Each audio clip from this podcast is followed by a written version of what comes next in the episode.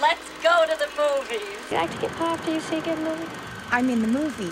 We make films. Movie? It's only a movie. Only a movie.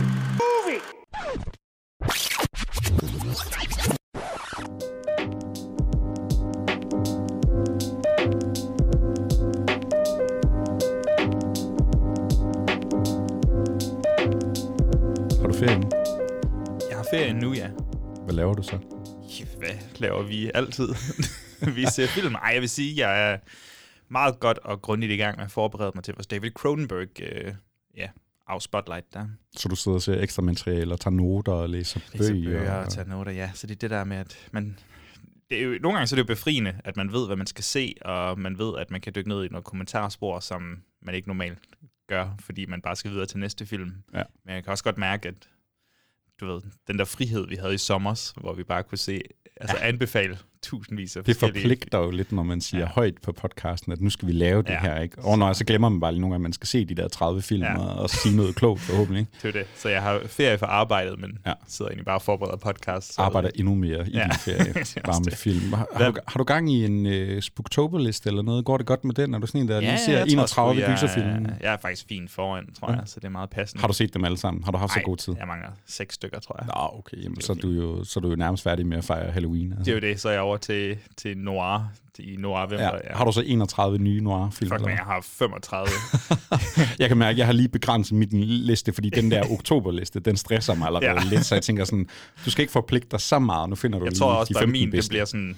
Jeg har fucking 35-40 noir-film, og så tror jeg bare lidt, jeg sådan plukker. Har jeg lyst til et gensyn med ja, Ja, en eller anden, ja, så gør ja, jeg det. Det ja. kommer ikke til at være religiøst i, i november. Jeg tror, det, det er min tanke at gå ind til det sådan, så du ved, så lige snart vi kommer i gang, så tager det overhånd for Mm. mig, ikke? Så, så finder jeg en eller anden liste, og så skal jeg se 600 på en måned. Det bliver farligt, altså. Nå, vi må se, om vi overhovedet kommer til at snakke om noget noir i november. Nu er det jo altså David Cronenberg, der kommer til at fylde rigtig meget ja. lige om lidt. Men Joachim, man lytter til Movie Podcast, og det handler ikke om David Cronenberg i dag, fordi vi skal sgu bare anmelde. Ja, det er så fedt. Tilbage til en standard. Det, ej, det er vel ikke så lang tid siden, vi har haft det. Nogle uger, det kan jeg ikke huske. En måned? Var det tilbage? Jo, jeg tror faktisk, det vil være en måneds tid siden. Var det ikke tilbage til noget Triangle of Sadness Åh, jo, og det Don't lidt- Worry ja, og Darling sådan og lidt forskelligt, ja. ja. Oh, tiden går hurtigt. Så vi har også, jeg synes også, vi har, øh, vi har jo lagt et program her for nogle titler, vi skal igennem. Jeg synes også, vi har et ret solidt sådan hold af titler her. Jeg glæder mig rigtig meget. Jeg tror, vi kommer til at give en masse forskellige slags stjerner i dag. Det glæder jeg mig til. Nej, det tror jeg også, det tror jeg også. Så øh, velkommen til Movie Podcast, og er man lige i tvivl om, hvad man har rodet sig ud i, så er din ene vært Mikkel Abler. Joachim Jelle, han er altså med i studiet som altid. Vi slipper ikke rigtigt for ham. For selv når han holder ferie, så dukker han sgu op alligevel. Ja, det det er mig helt fantastisk. Joachim, vi har rent en masse i biografen. Du har streamet alt muligt, og øh, jeg tænker, vi tager titlerne lige om lidt, men der er sådan noget andet, du gerne vil snakke om først. Skal vi tage den først? Ja, lad os have den først. Hvad er det, jeg gerne Nå ja, selvfølgelig. Vi har der snakket om det. Ja. Jeg troede faktisk, du var i gang med at øh, snakke om vores uh, Suspiria-event i, øh, i Øst for Paradis. Lad os nævne den som, igen. Øh, hvis, I- hvis I ikke har bestilt billet endnu, og I bor i Aarhus, så har I øh, seks mulige sæder, I kan placere af og det er sådan nogle helt ude i siden Helt ude i siden. Men vi vil blive så glade, hvis Ja. ja. hele det der felt, det var rødt. Og nu er det jo lidt sjovt, vi har jo en øh, italiensk episode i næste uge, som vi egentlig har optaget. Og der snakker vi om, der er stadigvæk godt med pladser. Nu udkommer den her episode først, og øh, så vi siger det bare lige med det samme. Det er sidste chance, hvis du skal have en plads til Ja, Suspiria godt. sammen med os i Så jeg Paradis. jeg er lidt stolt. Og det er jo, fordi det er jo udelukkende på grund af os, og slet ikke noget med Præcis. film at gøre, eller Halloween, eller noget som helst. Det er udelukkende os. altså folk havde ikke lyst til at dukke op til Suspiria, men så så de, du kom, ikke? Altså, hvor, hvor fanger man dig ellers? Du sidder derhjemme til film hele tiden Ja, alligevel. De glæder sig helt vildt meget til at sige hej. Det er Suspiria den 31. oktober, og øh, inden vi lige får opremset alle de her titler, vi nu skal anmelde i dag, så øh, havde vi jo lidt en plan om, øh, du har jo fået set noget, der hedder Hot- D. Hot D, var det ikke det, vi kaldte det? Jo, det, var det ikke det, han øh, sagde, det hed, eller hvad? jo, jo, House of D. House of D. Hot D, tror jeg, George R. R. Martin. Fordi vi kommer jo ikke... Øh, vi anmeldte jo House of the Dragon, ja, da den udkom for hvad, to måneder siden eller sådan noget. Det var kun mig, der havde set den på det tidspunkt, og jeg er jo Ja. Om noget Game of Thrones noob i det her øh, lokale. Så øh, du var lidt ked af, at du ikke havde fået den set, og ikke havde fået kunne give dine Ja. dejlige ord med på vejen. Nu er alle... Ej, der er, er der et afsnit tilbage, Jeg tror mangler jeg. at se et afsnit, ja. Er det udkommet, eller? Nej, det kommer på mandag. Ja, så du har set ni afsnit nu, og jeg har faktisk ikke fået set videre, selvom det vil jeg da helt vildt gerne. Men øh, du spurgte, må jeg ikke lige få lov til at komme med min mening om øh, Hot D? Ja, men jeg tænkte nu, det ikke lige var passende, fordi altid i sådan anmelderland, og det er serier, der udkommer øh, ugenligt, så synes jeg altid, vi baserer det på ja, to, fire, seks afsnit eller sådan noget, men aldrig hele sæsonen, og det bliver det så heller ikke i den her omgang, men det er fordi vores næste standard ligger vel først om en måned cirka. Så nu er det altså ud af ni afsnit, og jeg synes måske, man lige kan give sådan lidt mere kontekst på det, og jamen, som jeg vidste fik... Øh, øhm, erklæret sidste gang, vi snakkede om øh, House of the Dragon. Så jeg er sådan en rimelig sådan OK stor øh, Game of Thrones øh, fan. Du har læst bøgerne et par gange, synes Læst jeg, du bøgerne et par gange, og jeg har ja, set serien et par gange der. Og jeg havde lidt, øh, var lidt sådan modvillig over for, for slutningen af serien, men, øh, men fuldstændig tryllebundet af de første 4-5 måske endda Men du var også spændt sæsoner. på Hot D, var du ikke det? Altså, Jo, fordi men også hvordan- lidt nervøs måske. Ja, præcis. Sådan, hvordan, altså, du ved, går de tilbage til, hvad Game of Thrones var i første sæson, eller har de stadig det kæmpe store budget, som ja, du ved, de senere sæsoner har, og kan de jonglere intrigeren med dragerne, der kan ligesom overtage det hele, altså sådan rent, øh, hvad skal man sige, actionmæssigt. Kommer det til at blive action frem for intriger? Det var jeg lidt nervøs for. Ja, og bare lige for at opsummere min, øh, mit take på det. Jeg gav den jo fire stjerner i sin tid. Jeg har jo ikke set øh, Game of Thrones ret meget af det, så jeg har ikke helt det der bagland. Jeg har ikke alle referencerne. Så for mig var det at gå meget blindt ind til et nyt univers. Og det nød jeg jo faktisk rigtig meget. Ikke? Øh, Vi snakker også lidt om, den springer lige nogle år frem. Ikke? Den foregår jo, hvad er det, godt 200 år mm. før det, der sker i Game of Thrones. Ikke? Så der var også lidt en debat om, jamen, hvad fanden kommer de til at tage sig af her? Fordi der kommer jo mange sæsoner højst sandsynligt. Ikke? Hvor kommer de til at springe rundt i årene her? Hvem kommer vi til at følge? Og allerede nu her i første sæson, der er alligevel sprunget noget mm. frem. Og, Ikke? og, og nu bliver vi. Altså, ja. nu kommer vi ikke til at springe lige så betydeligt i tid fremover. Nej, hvordan har din øh, oplevelse så været med, hvad hedder den, Targaryen-familien her? Targaryens. Targaryen, så. ja, men jeg, jeg ved ikke noget om Thrones. Nej, det, det, det er helt okay, Mikkel. Øhm, det, har været, øhm, det har ikke været lige så stor watercooler øhm, samtaleemne, som Game of Thrones var dengang, men det handler nok også mere om, hvem jeg snakker med nu i min hverdag, kan man sige. Men jeg vil sige, øh, min kæreste og jeg, vi har, øh, vi har set det altså hver mandag om aftenen der, når vi kunne komme til det, og vi har begge været... Øh, utrolig øh, besnæret af det. Jeg synes, den, den taber faktisk rigtig godt ind i præcis, hvad Game of Thrones var sådan cirka i sæson 3-4 stykker-agtigt. Altså, vi har de der slag der, vi har dragerne, der begynder at spille en rolle, men vi har også stadig fokus på intriger og og, og de her store familier, der ligesom kæmper om tronen, alt imens at øh, de almindelige øh, bønder, de bare bliver sådan, altså de ja. bliver nærmest øh, ignoreret på en eller anden måde. Øhm, og så ja, så vi sprunget meget i tid. Det er der mange, der har haft problemer med. Jeg synes faktisk, de får løst det super fint. Altså nu, altså man kan sige, at øh, man har lige nået at knytte sig til de unge skuespillere, som har lavet nogle øh, suveræne præstationer, synes jeg. Og så går man over til de nye øh, skuespillere, der, du ved, de to kvindelige hovedroller ja. især, og tænker sådan lidt, uh, kan de, øh, kan de leve op til det her, øh, og gøre den til deres egen, men stadig referere til den tidligere person. Og jeg synes, altså, de nailer den godt nok. Ja. Øhm, jeg er meget positivt øh, sådan stemt over for den her. Jeg tror, jeg har faktisk i det seneste afsnit her, øh, det er episode 9 jo, og det plejer i Game of Thrones land, så betyder det jo, at øh, shit går ned. Okay. Det er, jo, det er jo altid det andet sidste afsnit. Det er modsat min øh, episode 6-teori. ja, præcis. Men i, men i Game of Thrones land, så, så er det i hvert fald de første sådan 4-5, måske endda 6 sæsoner. Så det andet sidste afsnit, det virkelig går ned. Der er selvfølgelig også andre afsnit, der har øh, stor betydning. Ja. Øh, og det havde vi så, nu er vi nået til det. Og folk, tror jeg, ligesom forventede det her store brag. Kunne det leve op til forventningerne så? Jeg, på en eller anden måde, ja og nej. Altså, hele afsnittet ind til konklusionen på afsnittet holder det lige vagt, hvis ja, nu der er nogen, ja. der ikke skulle have set det endnu, ikke? Eksempelvis dig. øhm, så, så, så bygger de meget op, og det er faktisk utroligt godt afsnit i form af sådan øh, spænding og intensitet, hvordan de gradvist bygger mere og mere på, for der er nærmest sådan et, øh, øh, du ved, 10 to, mid- 10 to midnight, altså sådan i sidste sekund, vi skal nå, vi skal nå at finde en person, ja. ellers så kan der ske noget meget øh, øh, vanvittigt. I'm intrigued. Kan du lide, hvor vagt jeg holder det her? øhm, og så er der sådan noget lidt mere eksplosivt, eksplosivt, der sker i slutningen, som jeg faktisk bryder mig lidt mindre om ja, på en eller anden måde. Det er også det, jeg har hørt fra øhm, folk. Ja, og jeg, men jeg kunne se, at øh, Soundvenue og andre, de havde faktisk rost det element, hvor jeg synes, det var sådan lidt kluntet, både sådan i øh, både karaktermotivation, rent visuelt, øh, ikke, ikke CGI-effekterne som sådan, men var sådan kluntet filmet på en eller anden måde. Øh, altså det, det var sådan lidt ærgerligt over, fordi det føles nærmest som om det var blevet shoehorned ind, fordi nu skal det være anden sidste afsnit, hvor jeg faktisk tror, det kunne have stået Sådan, det kunne godt have stået mere på egne ben. Det var ikke, fordi det behøvede at gå fuldstændig ned på den der måde, fordi afsnittet var så godt bygget op ellers. Øh, men, men det er en lille ja. skønhedsfejl på en ellers øh, suveræn oplevelse. Så rejsen har været god. Ja, det vil jeg sige. Du ved, jeg ligger på de der 5-6 stjerner, fordi okay. jeg, jeg, jeg nyder det virkelig. Øh, det, det Helt gør, op på 6 stjerner? Altså. Ja, men, det, men jeg har også, du ved, jeg kan godt mærke, der er nogle små ting, der, ja. ikke, der lige stikker lidt ud en gang imellem. Men, øh, men der er nogle gode spejlinger i nogle karakterer, man kan godt mærke, at der, der er fandme et stort opgør, der er ved at bygge sig op, hvis man bare lige ved lidt, hvad det kommer til at handle om. Er du Team Green eller Team Black, eller hvad man siger? Og nu sagde du også, altså det er ikke nødvendigvis blevet en watercooler-serie, men som jeg oplever det, folk er gladere, når de snakker om Hot D, end øh, hvis vi snakker om Lord of the Rings ja, for eksempel. Det, det, det, altså, jeg, der er større smil på der. Og der kan jeg også bare lige afslutte med at sige, at jeg har ikke set mere Ringnes her, siden vi sidst snakkede om det. Og jeg tror simpelthen, jeg, jeg synes, det er... Jeg, jeg tror heller, jeg vil formulere det sådan her. Jeg kan bedre lide det rå fantasy, hvor der er seksuel intriger, og, og der er mange fejl ved de her karakterer, vi følger, og der er noget moron og plot og sådan noget. Det, det synes jeg er meget mere spændende i forhold til det lidt mere sådan sober øh, Ringens Herre-univers. Det der er lige nu. Så cirka fem stjerner ja. vil jeg nok sige, men, øh, men jeg er ikke i tvivl om, at hvis de, hvis de fortsætter i, i samme bane, så kan det komme op og blive mindst lige så godt som øh, Game of Thrones. Det var altså øh, Joachims hot take på Hot D. Hvis man lige manglede en sidste undskyldning for at komme i gang, så er der altså øh, fem stjerner her. Skal vi lige smide en breaker på, og så skal vi snakke lidt om de titler, vi jo faktisk skal sådan rigtig anmelde i dag.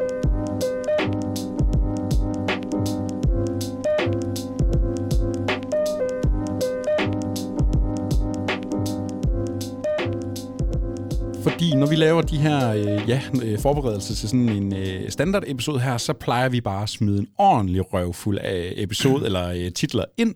Jeg synes og, nærmest i det dokument, vi havde, ikke, at der var flere titler end nogensinde. Jeg er glad for at se, at vi har fået ja, det lidt fra. Så øh, begynder vi at blive lidt realistiske. Hvad kan vi overhovedet nå at se? Hvad, hvad har mest interesse? Ja. Hvad gider folk nok egentlig at høre om? Ja, så bliver der skåret rigtig meget fedt fra. Og nu synes jeg faktisk, vi er øh, landet på en rigtig lækker menu her, fordi øh, vi skal lige have knyttet en kort kommentar til den her øh, gyser, man lige kan nå at nappe sidste gang i biografen, tror jeg. Den ja, ja, hedder den kører altså, i hvert fald til næste uge også. Ja, lige præcis. Den hedder altså Smile, og øh, kan man ikke nå i biografen, så ligger der over på Netflix en ny Stephen King-filmatisering. Vi snakker om øh, Mr. Harrigans Phone, og der er altså ret meget gys på menuen i dag, og det er jo øh, meget passende for oktober her, fordi vi kommer også i biografen og se det tredje og sidste kapitel i den her nye Halloween-trilogi. Øh, ja, det er så Halloween Ends. Ja, det, oh, ja, den glæder mig meget til at snakke om, Mikkel.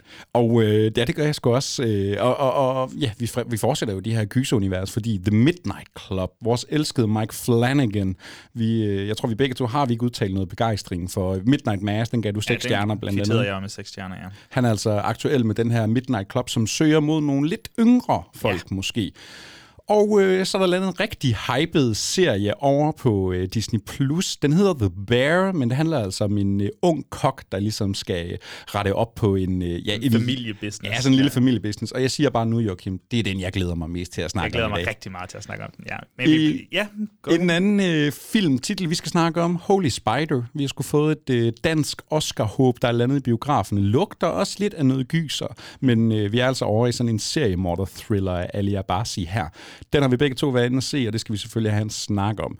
Og som om det ikke var nok, så har vi altså masser af andet, vi skal tage tilbage, stort og småt, fordi Andor er landet over på Disney+. Plus. En ny, ny, ny, ny, ny Star Wars-serie. Er den lige så skældsættende? Er det et nyt øh, frisk pust fra, øh, fra Star Wars-universet? Det ved jeg ikke, det må vi lige snakke om, jo. Og øh, noget helt andet, men også noget krigsagtigt, ikke helt oppe i stjernerne, der lander lige om lidt på Netflix, det er den her tyske film, All Quiet on the Western Front. Et øh, remake af en gammel film. Nej, det er vel egentlig bare en filmatisering af en bog. Ja, det må vi hellere sige. En øh, storladen tysk krigsfilm, den øh, skal vi have en lille snak om, og så slutter vi altså af med et brag, fordi Dwayne The Rock Motherfucking Johnson, han er aktuel med en ny film, og det er ikke Jungle Cruise 2. Nej, det er det ikke. Vi må se, øh, det kan være, at vi skal have øh, anmelder, vi skal have holdningerne på, og så ind i anmelderarenaen, det ved jeg Ja, det glæder mig til. Vi, øh, vi, har, vi kender lidt til hinandens holdninger her. Det kan være, at det bliver rigtig spændende. Og så er det jo også, øh, jeg føler, det er første gang i lang tid, vi ikke har noget Marvel. Har vi overhovedet anmeldt noget DC på den her podcast? Øh, noget Suicide Club? Jamen, den tror jeg, Club- jeg tror, vi havde noget sommerferie på det tidspunkt. Jeg tror aldrig, vi kommer omkring. Så øh, det kan være, at Black Adam er den første Nå. DC-ting. Ej, vi har anmeldt Peacemaker, så det tæller ikke helt. Ja, men det er øh, på jeg filmfronten, ja. ja. Vi skal i hvert fald slutte af med en stor snak om en stor film og en stor mand, fordi Black Adam, han er landet i øh, biograferne. Så Joachim, jeg smider en trailer på til Smile, og så kan du fortælle mig og lytterne lidt om, hvordan det gik. My name is Dr. Rose Cotter. What do you want from me? Why is it that everybody else who's seen it is dead and you're alive? I've seen it too. You. You have it. Get away from me! Get away from me! It's smiling at me. Carl? But not a friendly smile. The worst smile I've ever seen. For du fik lov til at gå i biografen og se en øh, ny gyserfilm, og så ved jeg jo, at du går ind med et stort, glad smil. Jeg har et stort smil til den her. Øhm, ja, hvad skal man sige? Man kan starte med at sige, at Smile lignede i trailers og promomateriale en, øh, en, endnu en af de der gimmick Blumhouse øh, horrorfilm, gyserfilm, øh, hvor, hvor, hvor der er et eller andet... altså, nu smiler folk ind i kameraet, og så er det super uhyggeligt. Kan det være, det Truth or Dare, den hed? Var der noget med nogle smil Ja, i der den? smilte de sådan sgu da noget? også, gjorde de ikke det? I don't know. Jeg har i hvert fald ikke set den, men, Nej. men det var lidt den feel, jeg fik, udover at der var et slutskud i traileren, som var sådan ret fedt, og der er noget, jeg tænkte, okay, kan det være, den har et eller andet? Så begyndte der at komme lidt buzz ud fra internettet. De havde selv nogle, hvad var det, baseballkamp, hvor de havde smidt noget. De kørte en ret øh, sjov marketingkampagne med folk, der stod og smilede ja. ind i kameraet til Ja. nogle sportskampe over i Amerika. Så man tænkte sådan, okay, men de satser da i hvert fald lidt på den. Det kan være, den kan et eller andet. Og så kommer de første anmeldelser, der siger, den kan faktisk noget. Øhm, men i hvor stor en grad, det var jeg stadig lidt i tvivl om, fik snedet mig ind og se den, og den handler om, øh, om hende her Rose, tror jeg hun hedder, Rose Cutter måske, øhm, Rosie Cutter, øhm, som er øh, psykiater. Og så øh, en eller anden, og hendes mor, du ved, hun har nogle barndomstraumer, som karakterer ofte har i gyserfilm, øh, en, en, øh, en, øh, en psykisk syg mor, øh, og så, men hun er altså blevet psykiater og hjælper folk med deres sindslidelser. Og så kommer der så en, en ny patient ind til hende, som øh, begår selvmord lige foran øjnene på hende og slutter af med nærmest. Men, og hun gør det, mens hun smiler. What? What Hvad sker der så lige her? Øhm, ja, så det, og så skal hun, du ved, så hun slår sig. Hun har en, en mand, som øh, hun kæmper lidt med. Han er ikke så sympatisk. De går meget op i penge, eller han går meget op i penge, og hun er måske lidt et andet sted. Og hun har en ekskæreste som politimand, detektiv, som ligesom hjælper hende med at opklare det her mysterie, fordi der har været en række af de her serier, eller selvmord, Hvor Øh, folk smiler. hvor folk smiler og øh, hvad selvfølgelig slår sig selv ihjel på brutale måder. Så det er cirka det, der er plottet. Øh, øh, ja. Og øh, nu har du jo udtalt, jeg ved ikke, om det har været op og vende på podcast nogle gange, men det er noget, du har kritiseret gyserfilm for, især moderne gyserfilm. Du er lidt træt af det der med, at der altid skal være den her psykologiske traume, som, øh, hvad skal vi sige, som baggrund, som den drivende faktor. Det der med, det bliver en, en metafor, en allegori, fordi det handlede jo bare om hendes psykiske tilstand. Mm. Det lyder først og fremmest ret meget til det, det Smile gør sig i her. Øh, er det det, den er, eller er der mere til den sådan i ren øh, gyserregi? Jeg synes, der er mere til den. Altså, jeg tror, det er Stephen King, der sagde, at øh, historien før metaforen, og jeg synes lidt, at A24-stilen godt kan begynde og sådan slås lidt med, er det den underliggende metafor før historien? Og selvfølgelig, jeg, jeg siger ikke, at alle tilfælde skal være plot før historien. Men vi begynder ligesom med mænd, og hvad der nu ellers har været for A24, sådan lidt, og, og, og, og præsten der.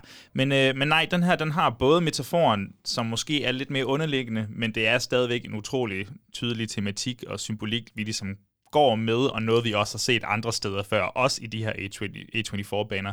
Men den har så øhm, en, en slags uhygge. Jeg synes, der er blevet lagt en lille bitte smule på hylden. Den har ikke været fuldstændig væk, men, men han formår at bruge øh, jumpscare, hvad det han hedder. Er det Parker Finn, han måske hedder instruktøren? Det kan jeg ikke lige huske. Jo, jeg har det lige her. Det hedder han da, men sådan den. Men Sanden, Parker Finn, han, øh, han bringer jumpskader tilbage, og bruger det super godt, som jumpskader skal bruges. Øhm, det skal ikke bare være en, en kat, der hopper, en sort kat, der hopper ud foran dig, og så får du et chok. Det er det billigste jumpscare overhovedet. Øh, det skal være noget, der virkelig bliver bygget op. Jack in the Box jumpskader, hvor du skruer på et eller andet, og man kan ligesom mærke, åh, oh, kommer det nu, kommer det nu, kommer det nu, og så sidder man og skider i bukserne. Og øh, var det en Blumhouse-produktion, vi har med det at gøre her? Det er det ikke. Det er det ikke, men, men sjovt nok, nu har vi nævnt de to øh, øh, store, ja, jeg vil ikke sige A24 er et gyserstudie, men de har nogle sådan De har været med til at danne rammerne ja. for et moderne Det gyserfilm. har det, og det, og det er sådan lidt en, øh, du ved, en seesaw, en hacksaw mellem øh, Blumhouse og A24 i form af det der jumpscare gys og den slags uhygge, der virkelig skal du ved, få fat i dig, folk der hopper i sædet, og så samtidig med den der metafor, de ligesom prøver at presse ind med Ja, og, og jeg synes jo, det der med, om det er en metafor og allegori, ikke, det er sådan lidt, hvor tydeligt bliver det, hvor vagt bliver det, hvad er også, som du siger, balancen med det mm. reelle gys, ikke? Altså, men det lyder så til, at Smile, den meget godt balancerer det her, at man får lidt af det hele. Øh, ja, det, det, man får lidt af det hele. Problemet bare, er bare, at manuset på et helt elementært niveau er super, altså super dårligt. Øh, karaktererne har nogle ufatteligt pinlige og cringy, øh, tokrummende øh, li- dialog, linjer, replikker en gang imellem, fungerer langt fra, og den er også altså en time og 50 minutter, ja. og, og, og mysteriet kan ligesom ikke holde det, og du ved godt lidt, hvor det er på vej hen på en eller anden måde. Og øh, der har dog nogle øh, super fede sådan, dukke creature effects mod slutningen, så den, du ved, udover jumpscare, så har den også lige, prøv lige at lege med lidt andet, og det respekterer jeg. Men jeg synes faktisk, øh, du siger, du balanceret, eller at den, det lyder som om, den balancerer det ret godt, men jeg vil faktisk sige, at den bliver sådan lidt ujævn, fordi den netop prøver at trække på så for mange, mange forskellige øh, elementer der, med et, øh, et ret dårligt manus og nogle karakterer, der simpelthen, eller nogle skuespillere nærmere, der ikke kan... Øh, hun spiller fint øh, hovedpersonen, men ham, der spiller detektiven, øh, ekskæresten, han er virkelig dårlig. Så er vi lidt mere ude i, eller hvordan er, øh, ja, jeg skulle til at sige, er vi lidt mere ude i sådan en malignant størrelse her, fordi så er jeg lidt interesseret i, hvordan er tonen, altså er der noget sådan selvivni, nu havde vi den store debat omkring Malignant, vidste den, at den var åndssvag, ikke? Altså, Jeg vil sige, at Malignant med, ved mere. Okay. Altså, Malignant er lidt mere selvbevidst. Jeg tror, den her, den prøver faktisk at være ret seriøs. Men, øh, men jeg tror, det kommer af, at Parker Finn måske stadig er en relativt sådan uerfaren øh, instruktør. Ja, jo- jeg har hørt nogle interview med ham og sådan noget, og han har stadig nogle, altså, nogle øh, skuespilsinstruktionsevner. Ja. Men jeg, jeg, jeg synes, jeg kan mærke, at det ikke, måske er det et stort brød, det her. Måske er der nogle skuespillere, der ikke lige helt lever op til, hvad han prøver på. Jeg kommer også til at tænke på, øh, nu er jeg jo sindssygt glad for The Empty Man, ikke? men der var vi også uden en instruktør, ligesom øh, Finn her, der laver sin første film. Ikke? Man kan godt få den der sådan lidt, åh, så prøver jeg lige at få det hele ind i filmen, ikke? fordi Ja. der er så meget, jeg gerne vil her. Er det det, vi ender ud i? Jamen, det kan, det kan sgu godt være, at det er derhen. Jeg tror, jeg vil sige, David Pryors uh, The Empty Man, der, den er måske den er lidt større og prøver virkelig Jo, jo. tre forskellige ja. Ja. film i en. Og den her, den har nogle elementer af det også. Altså, den vil gerne være metaforen, den vil også gerne være jumpscare, den vil også gerne være lidt creature feature og whatever. Så, ja, F- finder vi ud af, hvorfor de smiler? ja, det Det gør er vi. eneste, jeg er interesseret i. Det gør vi. Vi øh, ser, om du gik ud af biografen med et stort smil. Jeg gik ikke et stort smil, men som i, øh, der er nogle elementer, der fungerer, og nogle elementer, der ikke fungerer.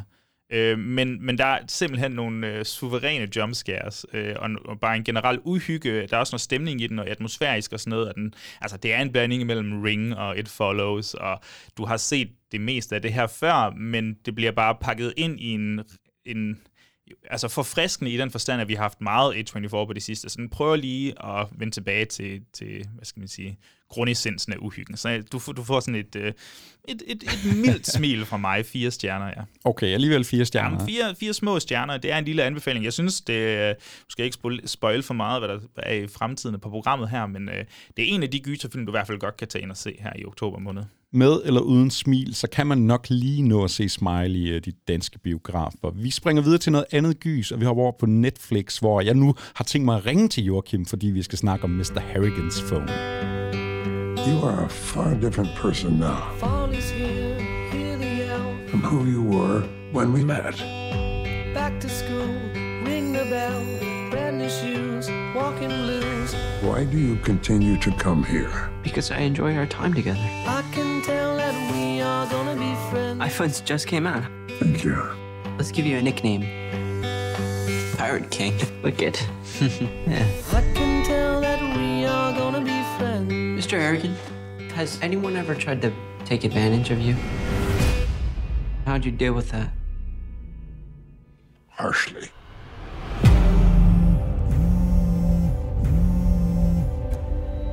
Hey, Dad. Hey, buddy.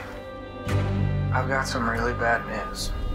Og det er jo altså ikke mindre end øh, ja, en lille måneds tid siden. Der var der jo altså en vis herre, der fyldte... Hvad, hvad fyldte han? 75, 75 år. Den øh, gamle kære Stephen King, den her legendariske gyserforfatter. Vi havde en øh, top 5 op at vende, og vi sluttede jo også af med at snakke lidt, jamen, hvad bringer fremtiden for den kære Stephen King? Og jeg tror, en af de titler, vi nåede at nævne, det var altså den her Mr. Harrigans Phone.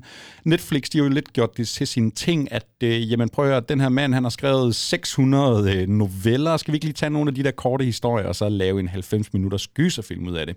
Vi har haft noget 1922. In the Tall Grass, tror jeg. Ja, der var den med græsset der. Ja. Og nu står vi altså med en vis Mr. Harrigans Phone. Joachim, hvad handler det her om? Jamen, det er jo... Øh, ja, nu snakker vi jo egentlig gys, og det er jo ikke som sådan en gyser, den her. Det er jo lidt øh, noget magisk realisme, små overnaturligt. Altså, det er mere sådan noget Green Mile blandet med, med Stand By Me måske, sådan noget coming of age. Øh, så, så det er ikke som sådan en gyser, men der er nogle overnaturlige elementer, og de kommer ligesom i, at vi har vores hovedperson, som, øh, som øh, er lidt sådan et, et, øh, et mobbeoffer i skolen. Han er lidt en outsider. Øhm, han øh, til sin hverdag, så får han en, en minimal løn ved at læse øh, gamle romaner, klassiske ro- klassikere op for Donald Sutherlands øh, karakter. Ja, vi snakker øhm, altså om en, øh, hvad, en hvad han, han ender nok med at være en 15 år, Ja. 16 år. Han har altså læst Leo Tolstoy ja, ja. og uh, Heart of Darkness og hver en klassiker. Du ved, det er taktile, du ved, det er siderne med støv på, og man kan virkelig dufte bøgerne. Jeg tror meget, det er det, det handler om. Og så kommer vi jo ind i den teknologiske tidsalder, som vi er kendt, som Stephen King bare er kendt for nail, ikke? Og det skal lige siges, at grunden til, at drengen læser op, det er altså, fordi Mr. Harrigan, han er blind, eller i hvert fald ikke ser så godt, som mm. han gjorde engang. Så han har brug for nogen til at læse de her ja. gode historier op om. Så øh, får den lille dreng en iPhone, og ja, så kommer den øh, teknologiske tidsalder her. Og så, ja, så får han den her iPhone, og det går jo super fint med den. Og så fordi han øh, elsker kære øh, Mr. Harrigan så meget, så kvitterer han en i øvrigt også med en telefon til ham, øh, så de kan skrive sammen og ringe sammen, når det passer og sådan noget. Og selvfølgelig sker det, at, øh, at Mr. Harrigan han går bort, øh, men betyder det, at de ikke længere kan kommunikere af spørgsmålet sammen? Fordi øh, vores hovedperson, Knighten der, jeg kan simpelthen ikke huske, hvad han hedder, men det er ham, der er med i et, kan jeg sige. Ja, han er blevet nærmest sådan man føler ja. lidt, han er sådan en Stephen King regular. Han har været han ikke Jaden i virkeligheden, tror jeg. men Jeg skulle lige så sige, han hedder Donald Sutherland. Øh, Jaden Martell hedder Ja. han.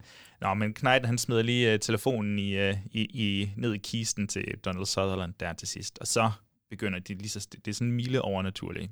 Ja. ja. Det er sådan cirka det, uh, vi har med at gøre her. Som sagt, det er lidt mere coming of age og uhygge. Gik du ind til den her, som var det en gyserfilm? Jeg tror, jeg gik ret meget ind til den, som om det var en gyserfilm, men altså, som om, jeg, jeg troede virkelig, jeg skulle se, nu har man jo set sådan noget som et Gerald's Game, jeg har ikke fået set den der 1922, som skulle være virkelig sløj, men jeg så den der in The Tall Dark Race, det var meget sådan, den bliver super weird, men den er også meget sådan, altså straight to Ja. video on demand gyser med lidt billige jumpscares og lidt flade karakterer og sådan noget, og det var sådan lidt den forventning, jeg gik ind med her, ikke? Nu har de øh, lavet, altså det er så let at filmatisere Stephen King nogle gange, kan man Ja, godt ja. føle, ikke? Ja, ja. Øh, så det var den følelse, jeg gik ind med, men som du siger, ja, den ender jo faktisk med at være meget andet end en gyser. Ikke? Altså, det er meget mere sådan et mørkt eller ja, semi-mørkt drama, ikke? Det er meget mere sådan forholdet mellem den her unge mand og, øh, og ja, den ældre mand, ikke at der er noget romantisk mellem dem eller noget, men altså deres øh, relation, ikke? Hvordan han ligesom, øh, Donald Sutherland, øh, Mr. Harrigan, han passerer noget af al den viden, han har tilegnet sig tilbage, og hvordan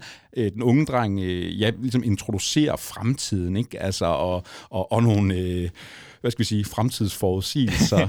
Som er lidt kikset, når Stephen King jo skriver. Ej, nu ved jeg ikke, lige, jeg ved jo ikke præcis, hvornår, jeg kan ikke huske, hvornår øh, novellen er fra. Nej. Men, men, men retrospektivt i 2022, og, og den foregår ved, ved iPhones indtræffen. Ja, jeg mener er det. Vi starter i midtnullerne eller sådan 2003 eller sådan Ja, noget, så står der i film. Og du præcis. sagde det jo i din intro her. øh, Du sagde lidt sarkastisk, kunne jeg næsten fornemme, at Stephen King han er ikke super god, når det kommer til den teknologiske tidsalder. Altså, han er- han er ikke- uddybe det lidt? men han er, ikke, han er ikke teknofob som sådan, selvom han nok har lidt modstand over for det, men, men generelt med teknologi, han er ikke sådan super god til at beskrive det, og, øh, øh, og jeg tror generelt, når folk skal interagere med teknologi i filmene, så er det ikke fuldstændig realistisk. Jeg tror også, vi har den her rædderlige The Cell, tror jeg, den hedder, med Ja, John det, var, var, var, han med i når den der Pulse, eller hvad fanden? Var det et remake af den Åh, der japanske? det- Jeg kan aldrig huske, om han var en del af det. Jeg Den ved var bare, The Cell, der, den er sådan lidt grineren, fordi så er det, det er nærmest en, en, en telefon-zombie-film, og man sidder sådan lidt... Og hvad så? Er det fordi, vi er ude i en uh, old man Ja, yells at der- cloud, eller er det bare noget, han ikke forstår?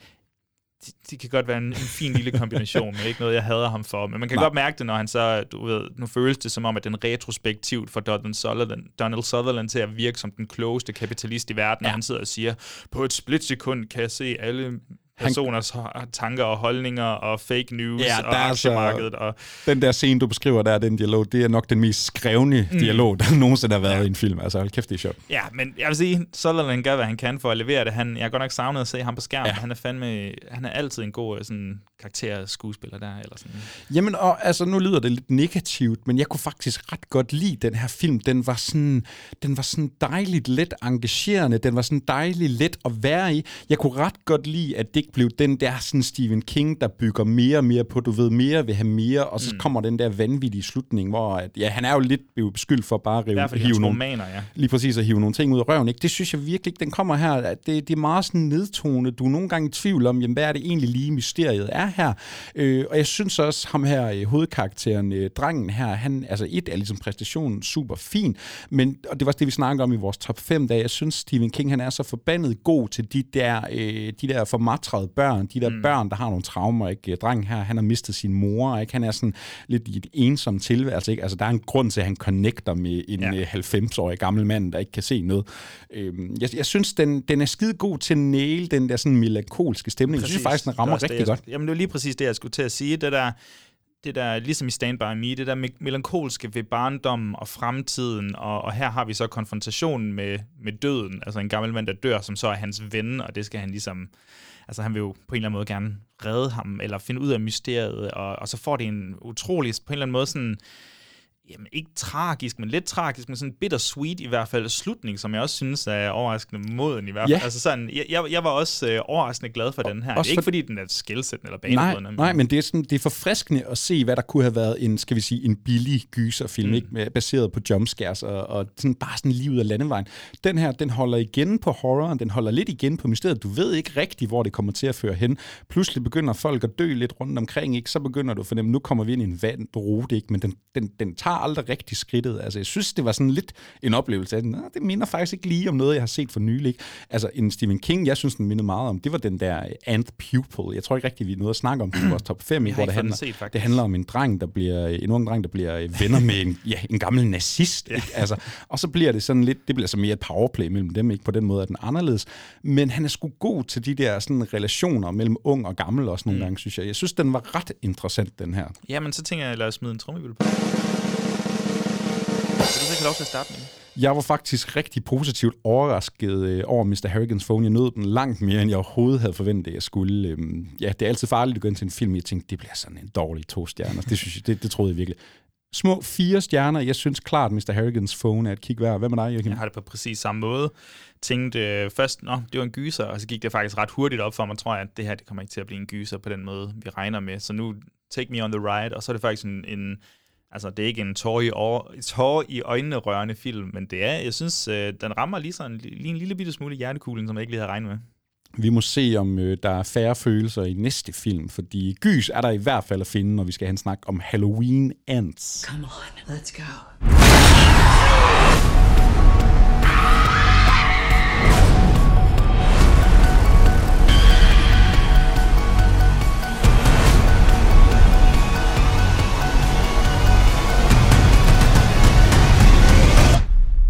Come and get me, motherfucker. Og ja, det er altså meget vigtigt, at titlen den udtales Ants. Ants. Ants. Fordi øh, vi øh, tog en biograftur sammen. Vi har jo både set... Nej, vi så ikke den første Halloween. Jeg tror ikke engang, vi kendte hinanden dengang. Nej, det gjorde vi ikke. Men uh, Halloween Kills, den var vi inde og se for hvad, et års tid siden. Ja. Og selvfølgelig skulle vi da ind og se Halloween Ants igen. Ants. Jamen fuldstændig, og nu optager vi den jo lige her en uge på bagkant, efter den kom ud i biograferne, og jeg føler, at øh, hvis man øh, lever lidt for meget af sin tid på internettet, som jeg gør, så, så føler jeg virkelig, at bare den har været overalt med, med først en masse holdninger omkring, hvor horribel den var. Jeg tror endda, vores egen Jarl, han kvitterede med to stjerner inde på sitet. Øh, og så synes jeg også nu, at jeg kan se, at der er flere, der er sådan... Det er jo, et, altså det er jo fantastisk, at den prøver noget nyt. Ved du hvad, vi er, ude i, en, øh, vi er ude i den mest polariserende titel siden Blonde. Altså, det er Ja, helt tror jeg også, det er helt vanvittigt. Hvem skulle have troet det? Og så med et franchise som det her, det havde jeg ikke regnet med. Men ja, Halloween Ends, det er den, den sidste film i trilogien fra øh, David Gordon Green og Danny McBride. Øhm, hvad havde du af forventninger til den her? Fordi den første, som jeg føler, vi snakkede lidt om sidste år, det var en, et fint reboot med en sådan ret helt støbt film, der prøvede at sige noget omkring traume og hvordan man bearbejder det. Ja. Og så... Øhm, Og humlen er jo ligesom også, at man har slettet alle de gamle ja. Halloween-film. Den, her, den, den, den første Halloween her, der kom i 2017, tror jeg det var, den foregik direkte efter John Carpenters originale. Så fik vi Halloween Kills, og nu slutter vi så historien af her med Halloween Ends. Jamen, øh, jeg kunne rigtig godt lide den første Halloween, øh, Halloween Kills, ikke? den var vi ret splittet omkring. Ikke? fede mor, mega brutal, men sådan lidt kikset i dens forsøg på at, at lave den der metafor igen, øh, Haddonfield, der nu er på en eller anden måde blevet korrumperet af den her ondskab, og bliver nødt til at du ved, så får det sådan en metafor for mob mentality, ja. og jeg tror, at Jamie Lee Curtis utallige gange har været ude at sige Black Lives Matter movement, og du ved, invas- øh, hvad det, 6. januar. Ja, øh, der er vi ude i en, øh, der er vi ude i en gyserfilm, der har styr på sine metaforer. Ikke? Altså, fuldstændig. nej, altså jeg tror sgu ikke, jeg går ind til Halloween Ends med de store sådan, forventninger, fordi Halloween Kills var jo både ja, næsten mesterlig og magtværk. Ikke? Altså, øh, så jeg var sådan ret i tvivl om, hvad vi skulle have her, men jeg var også lidt spændt på, hvordan fanden har de tænkt sig at slutte det her af. Ikke? Tør de at sige, det her det er Michael Myers endeligt, eller bliver det den der fæsende ballon, hvor at, øh, jamen, selvfølgelig vender han tilbage om, lad os sige, to, tre, fire år. Ikke? Altså, hvad med dig? Var du øh, klar på det her oven, til, oven på Halloween Kills? Jamen, jeg var, jeg var spændt på, hvordan de vil afslutte det. Fordi det, det er altid spændende på en eller anden måde, om det, om det bliver kæmpe magtværk, eller om de faktisk formår at binde det her sammen. Fordi jeg synes lidt, at de har påstået, at de har haft en overordnet plan siden starten, hvor jeg nu synes, at øh, det er meget tydeligt, at de ikke har haft en overordnet plan. De har lært det på J.J. Abrams Lost School. eller Ja, hvordan jeg tror også, der er en plan. ja, mystery box, og så fører vi det hele sammen til sidst. Ja. Ja, fordi nu har vi måske allerede afsløret lidt, men hvad er det lige Halloween Ends her øh, er? Fordi øh, fire år befinder vi os efter det, der sker i Halloween Kills. Den har ligesom en cold open. Vi foregår et en, år øh, efter, Ja, det foregår et år efter det, der sker i 2017. Der er ligesom et urelateret mor, eller ulykke, lad os kalde det, hvad det er. Øh, vi ved ikke rigtig, hvad det betyder, og så hopper vi lige tre år mere frem. Nu er vi altså fire år frem fra den, øh, den første nye Halloween i trilogien her. Og øh, Michael Myers, han er væk. Han, øh, vi ved sgu ikke rigtigt, hvor han er. Vi følger hende her i hovedkarakteren, og, øh, som er, hvad er hun, barnebarn af Jamie Lee Curtis. Ja, Allison. Hvorfor kan jeg overhovedet huske, hvad det hedder? Laurie Strode? Laurie Strode, og så er der barnebarnet Allison, og så følger, føl, følger vi lige så meget øh, Corey Cunningham, som, øh, som desværre i den her cold open kom til at, at slå en knight ihjel, som han passede som, øh, hvad hedder det, børne, barnepasser. Ja, og så, øh, så er vi sådan set ret interessant i gang, ikke? fordi man sidder, Laurie Strode, hun har ligesom lagt Michael Myers bag sig. Nu har hun ikke, hun lever ikke mere i den der fæstning, der er klar til angreb når som helst. Hun skal leve et normalt liv nu, lad os glemme traumerne. Hun er blevet forfatter, hun skriver om sine traumer, ikke? men det er også hendes måde at bearbejde på. Allison, hun har mistet sine forældre, ikke? hun har ligesom mistet alt, hvad hun har kært. Hun skal lære at affinde sig med sin tilværelse, alle de her minder, der hører til Haddonfield. Og samtidig er Haddonfield jo sådan blevet, altså den er jo nærmest plaget af de her traumer, den har oplevet. Altså alle synes at være nogle røvhuller, Ja. øh, både over for Allison og over for Laurie Strode, og samtidig har der været sådan en række af selvmord, fordi folk ligesom ikke har kunne øh, cope med, hvad der er sket i Haddonfield. Folk har mistet deres børn jo, og Vi er og, næsten og ude i sådan noget. Stephen King, hvor ondskaben bare gennemsyrer hele byen. Ikke? Ja, et, et og Pennywise, ja. Ja, og øh, Michael Myers, han går altså og gemmer sig et øh, sted derude. Ikke? Han gemmer sig øh, nede i kloakken, må man ikke sige det. Det er vist allerede vist i traileren. Øh, fordi Michael Myers, han vender selvfølgelig tilbage, men vender han så tilbage på den måde, man tror, Joachim? Nej, øh, nu er han en, en nej, jo, man kan jo sige, at han i både i Halloween 2018-version, der, at han var en gammel mand allerede. Altså man må jo antage, at han er en plus, 50, eller plus 60 år øh, stadig super stærk og, og agil og, Lidt og morderisk. ja, og lidt overmenneskeligt. Og det er jo så den vej, det også går, fordi... Øh, øh, nu har vi sagt, at Allison spiller en stor rolle, Laurie Strode spiller en stor rolle, og så der har faktisk ham her, det egentlig handler om, det meste af tiden, vil jeg sige, Corey Cunningham, der, der støder ind i øh, øh, Michael Myers, og ligesom får en forbindelse til ham. Og nu, nu, nu er filmen, nu har den været ude i, i hvert fald over en uge, efter vi snakker om den her, så jeg vil ikke spoil mere end det her, men det er ligesom, det, er, det bliver vi nødt til at nævne det her, at han, bliver, li- han får en, anden connection, en forbindelse med Michael Myers, Han kigger ham dybt i dybt øjnene, i øjnene, og så sker der et eller og andet. så er det nærmest i sådan et chok og Christine-agtigt øje. Nu hedder han jo Cunningham, Arnie Cunningham Ja, ja, tak. fra Stephen Kings Christine. Øhm, og så bliver han ligesom korrumperet af ondskaben. Og så begiver han sig jo ligesom ud, fordi han også er sur. Han er jo en outsider, han er jo en freak. Han bliver kaldt for en freak, og jeg tror Allison og Laurie, de bliver kaldt for psychos. Ja.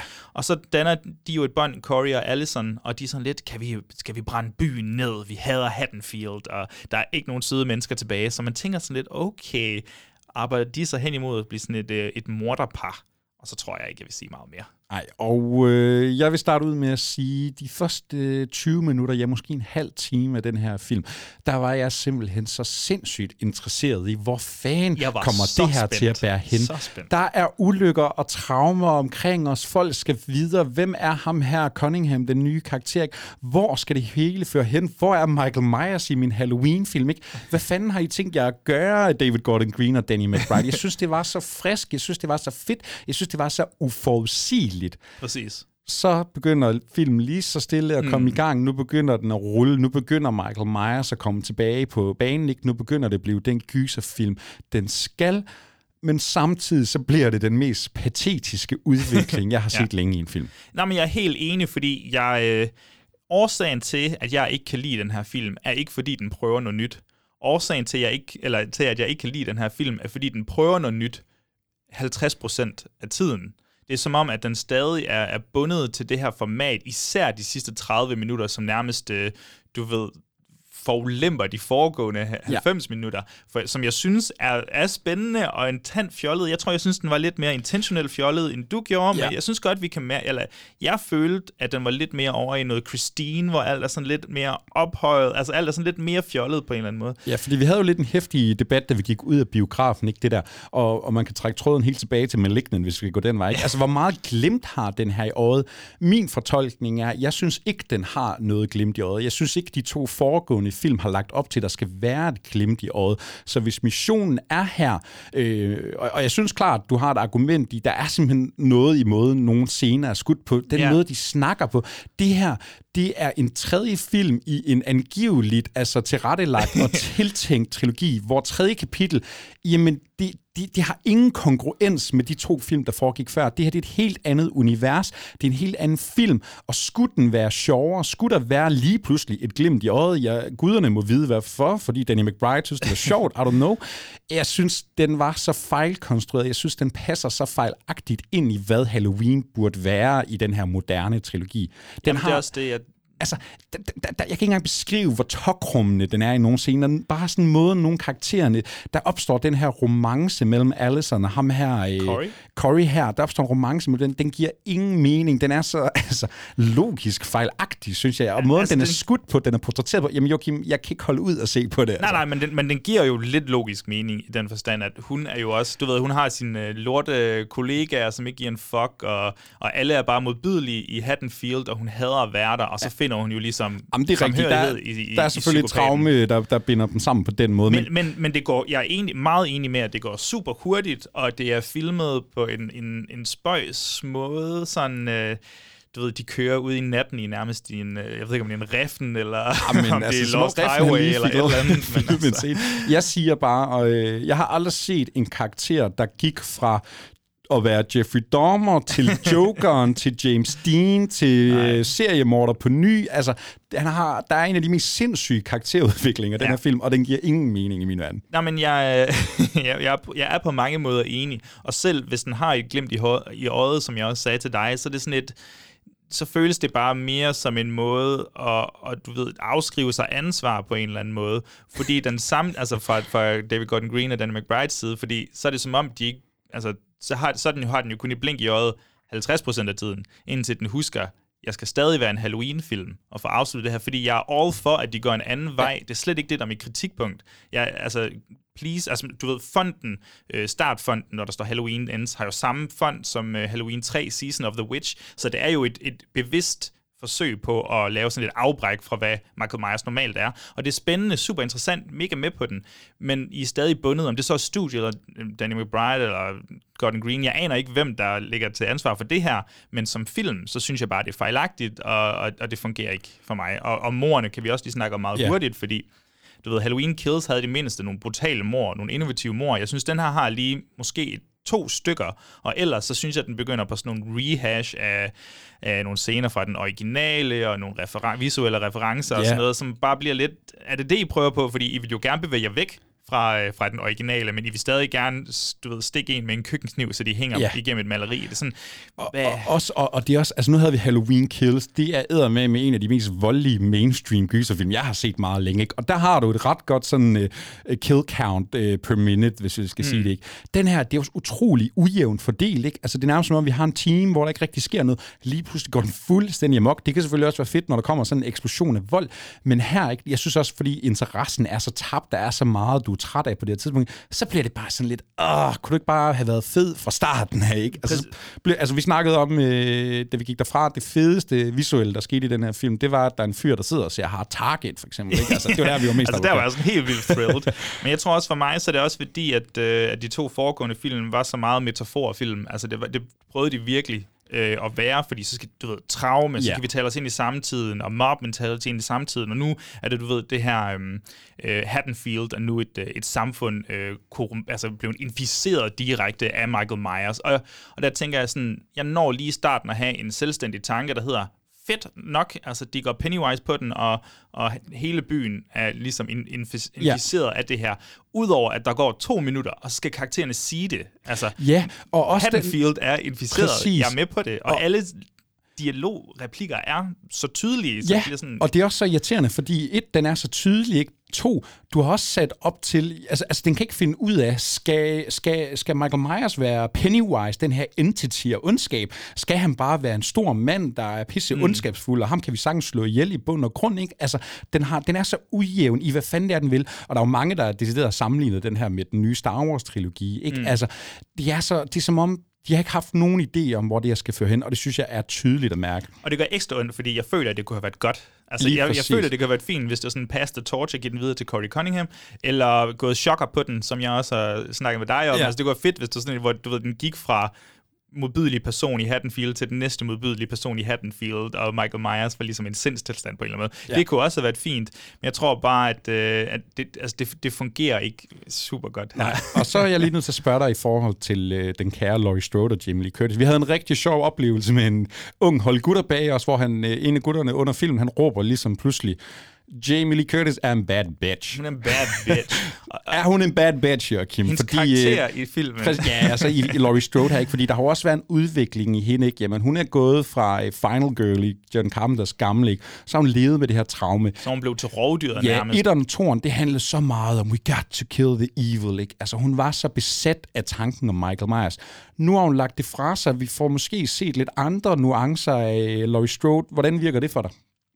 Øhm, det virkede fint. Ind, altså, det virkede... Øhm, altså, okay, først og fremmest så synes jeg, at øh, der, var, der var et lidt stort spring i, hvor meget en ny person hun er blevet her på de her fire år. Øh, og det er fair nok, der er gået fire år. Det er time jump, det kan jeg ikke øh, kritisere så meget. Men det var sådan, jeg ved ikke helt, måske det er Jamie Lee Curtis' præstation, som jeg ikke synes har været super sådan stellar i løbet af de sidste tre, øh, eller de sidste to- foregående to film heller ligesom har spillet ind i det, men, men så tror jeg, så gik de en vej hen, hvor jeg troede, det ville komme til en konklusion på et eller andet tidspunkt, en, en form for endegyldig konklusion, og jeg tænkte, fuck ja, yeah. nu, gør, altså, nu gør I noget nice. Og så vælger de selvfølgelig ikke at gøre det alligevel, fordi det er en Halloween-film, og der er måske et studie, der har sagt et eller andet, I don't know. Så jeg tror, at Jamie Lee Curtis for mig, Laurie Strode for mig, ja, det kan godt være, at hun til tider er en bad bitch, men jeg synes godt nok, hun er, er en, en lidt mislykket karakter på en eller anden måde, og med, med en utrolig enerverende voiceover, øhm, som er igen en af de mest tydelige voiceovers, Ja, jeg nogensinde har hørt. Lad mig have en selvstændig tanke på et eller andet tidspunkt i løbet af den her film, det vil jeg, det vil jeg mega gerne, altså det vil jeg mega værdsætte. Nu stiller jeg dig to spørgsmål, og du må kun svare ja eller nej. Tror du, Michael Myers og Halloween, de vender tilbage inden for de næste fem år? Ja. Håber du, de gør det? Kommer an på, om det... Nej, jeg ved ikke om... Åh, nej, ikke som sådan. Nej, Nej. Det, nu siger du Michael Myers. Nej, det gør jeg ikke. Inden for, jeg tror, inden for de næste 5-7 år, tror jeg. Og så, men ja, det, jeg allerhelst vil håbe på, det er, at det bliver en Season of the Witch uh, enkeltstående fortælling i Halloween-universet, eller sådan noget. I don't know. Det, det vil være fint. Vi skal have konkluderet nogle stjerner på disse ord. Jeg kan simpelthen ikke give den her mere end to stjerner. Jeg synes ikke engang, der er noget so bad it's good over den. Jeg synes, det er en fejlagtig afslutning på en, øh, ja, en trilogi, der nok daler i kvalitet film for film. Men man, der var sgu lagt op til, at den faktisk kunne komme ret godt i mål, og det synes jeg, den er forfejler fuldstændig. Ja, så hvad gav du den til? Jamen, jeg giver den to stjerner, og det eneste, der egentlig holder mig fra en stjerne, jamen, når morerne kommer, altså, det er fedt nok. De første halve time, super interessant. Den prøver at gå lidt nye veje. Det har jeg sgu respekt for, at den så ikke kommer ret mange veje, det så hvad det er. Og Ja. der blev set et hard target. Der vil set hard target, så automatisk fem stjerner for mig. Nej, øh, jeg tror, jeg ender også på de to stjerner. Det, er, det er, gør ekstra ondt, fordi jeg kunne mærke, hvad det kunne have blevet, det her. Og kæmpe, altså, hvis, hvis du elsker den, øh, af forskellige årsager, fred være med det, men øh, satan, jeg er bare træt af, at det ikke blev en eller anden form for chokker, eller en, en, en federe version af Christine, eller sådan kørt, kørt, altså kørt igennem med det præmis, de har sat op, i stedet for at komme i tanke om, nå ja, vi skal jo lige have afsluttet det her.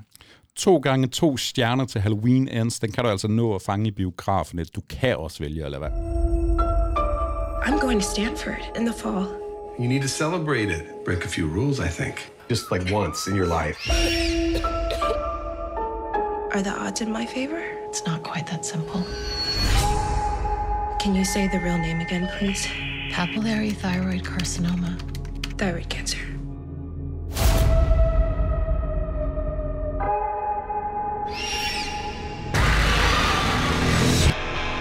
I'm Dr. Georgina Stanton. Welcome to Brightcliff. Every living day here is a win. How long have you all been here? Uh, four months for me. Five. Three. Three. 63 days, 17 hours, and 11 minutes. You don't know the minutes. I'm going to die. All of us here are dying. This is a hospice? My parents told me this was a boarding school. What's in the basement? I dare you. No, he doesn't. It Takes a lot to scare me. No, wait, don't. Don't. Actually go down there. Og vi fortsætter altså et uh, gyser-run her. Nu bliver det måske lidt mere et milde ende, fordi nok engang er den gode Mike Flanagan tilbage med endnu et Netflix-projekt. Han har altså givet os uh, serier som The Haunting of Hill House, The Haunting of Bly Manor, Midnight Mass, og nu er vi altså nået til Midnight Club. Ja, hold da op, det lyder som om... Det var lige, det, var, det krævede en bøvs, for jeg kunne sige alle de titler. det lyder som et tema, der er der. Øh, ja, Mike Flanagan, Joachim, du øh, er den eneste, der har fået set The Midnight Club her. Jeg nåede det simpelthen ikke. 10 afsnit er der landet, og øh, så vidt jeg har forstået, er vi øh, lidt mere ude i noget young adult-agtigt her. Jamen, det er vi 100%. Det er baseret på øh, The Midnight Club, er en, øh, en roman, kort roman, et eller andet i den stil, øh, skrevet af Christopher Pike, som har stået for en masse young adult uh, gyserfiktion.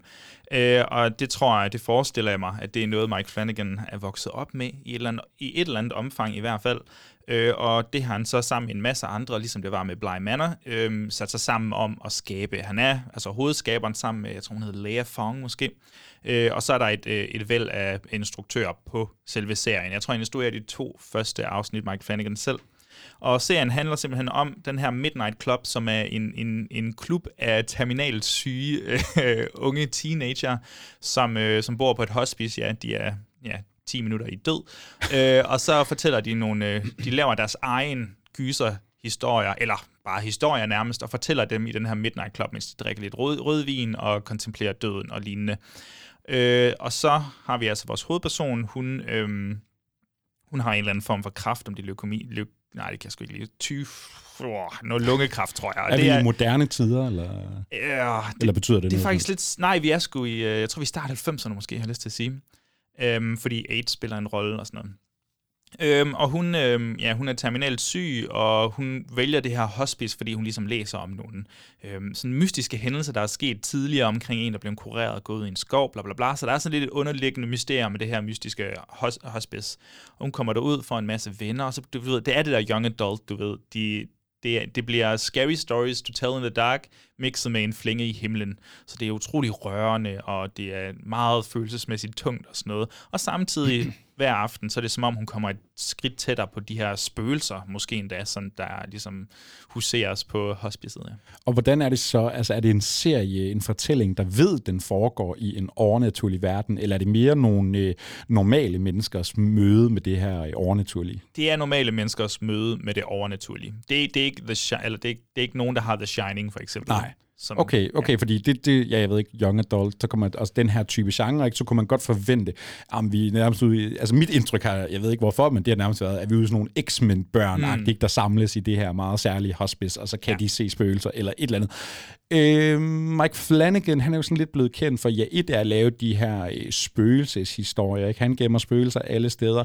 Så handler det rigtig meget om mennesker, ikke? Det handler om folk, der snakker, det handler om folk, der skal bearbejde sorg Ja. og traumer og alt, hvad de har oplevet gennem livet, ikke? Altså, der- folk var jo rigtig glade for The Haunting of Hill House og Midnight Mass, ikke? Som jo, ja, nærmest blev mere kendte for deres sådan tale om liv og død, end mm. øh, decideret gyset, ikke? Men han har jo også været god til, nu er det jo en mand, der også har filmatiseret Stephen King rigtig meget, ikke? Men mødet mellem den almindelige verden, den overnaturlige, også en mand, altså, der kan, han kan skulle øh, placere et solidt jumpscare, ikke? Ja, ja, Øh, 100%. Hvordan er det i Midnight Club? Nu er det så rettet lidt mod øh, yngre, kan man næsten fornemme, ikke? Ja. Øh, Men, men er der noget at komme efter, hvis man er til den Mike Flanagan? Jamen, det har jo det, har jo det afsnit, øh, der har flest jump scares i, øh, i tv-historien. Okay. Men det er jo med, med vilje, faktisk, fordi der er nogle, de laver de her gyserhistorier, og så...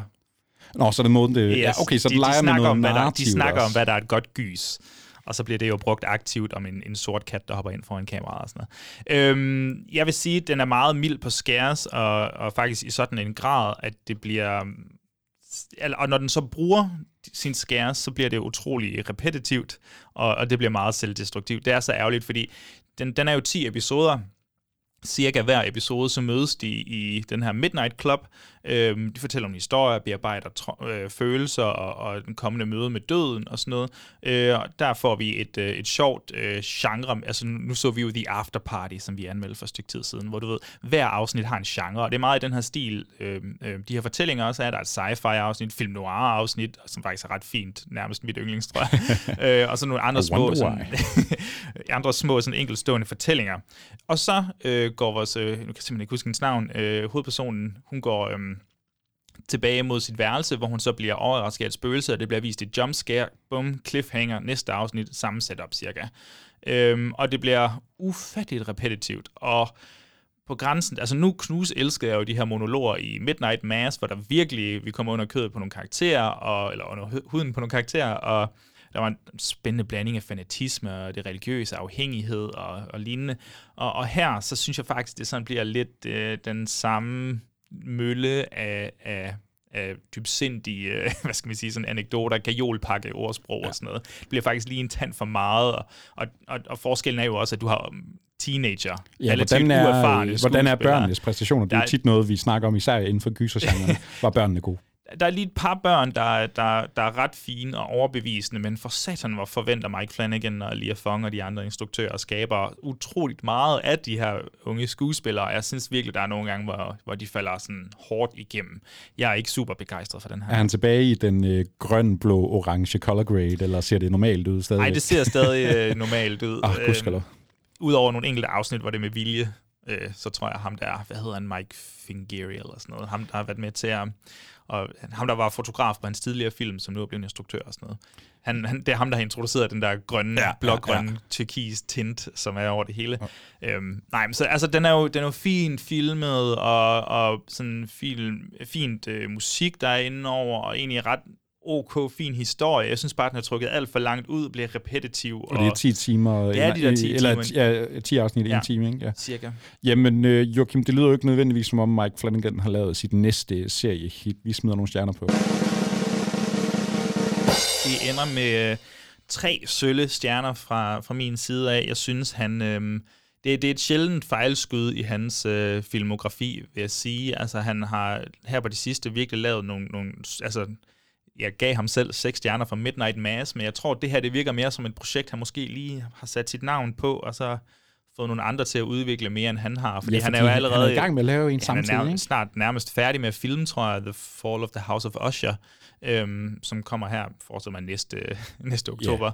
Yeah. Øhm, så ja, jeg tror måske bare lige, det, han, han, jeg har respekt for, hvis det får ligesom at give plads til nogle andre filmskabere, så han kan bruge sit navn til at give plads til dem. Men øh, jeg synes lige, det er lidt fejlagtigt. Måske godt at bruge skåret et afsnit fra, eller sådan noget, og bearbejde de her karakterer lidt mere. Tre stjerner til The Midnight Club. Lad os håbe, at næste Mike Flanagan-projekt øh, bliver et pletskud fra alt det her gyser, så lægger vi det lige på hylden for en stund, fordi nu skal vi altså snakke om en noget hyped kokkeserie, der hedder The Bear. 25 pounds? No, no, no. I ordered 200. Where is beef? You still got that meat connect? You get 12.50 for that on eBay. Boom. You cut vegetables like a bitch. Not system. System, baby. System. System.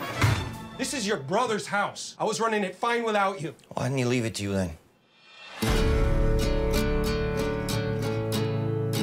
Don't wipe your hands on your apron, chef. Jeff. I refer to everybody as chef because it's a sign of respect. You could throw down, huh? So how you gonna pass the family test? Delicious or impressive? Delicious is impressive. Word. Yo, family's up. I just never had plátanos with like grass on it. We want to change this restaurant, right?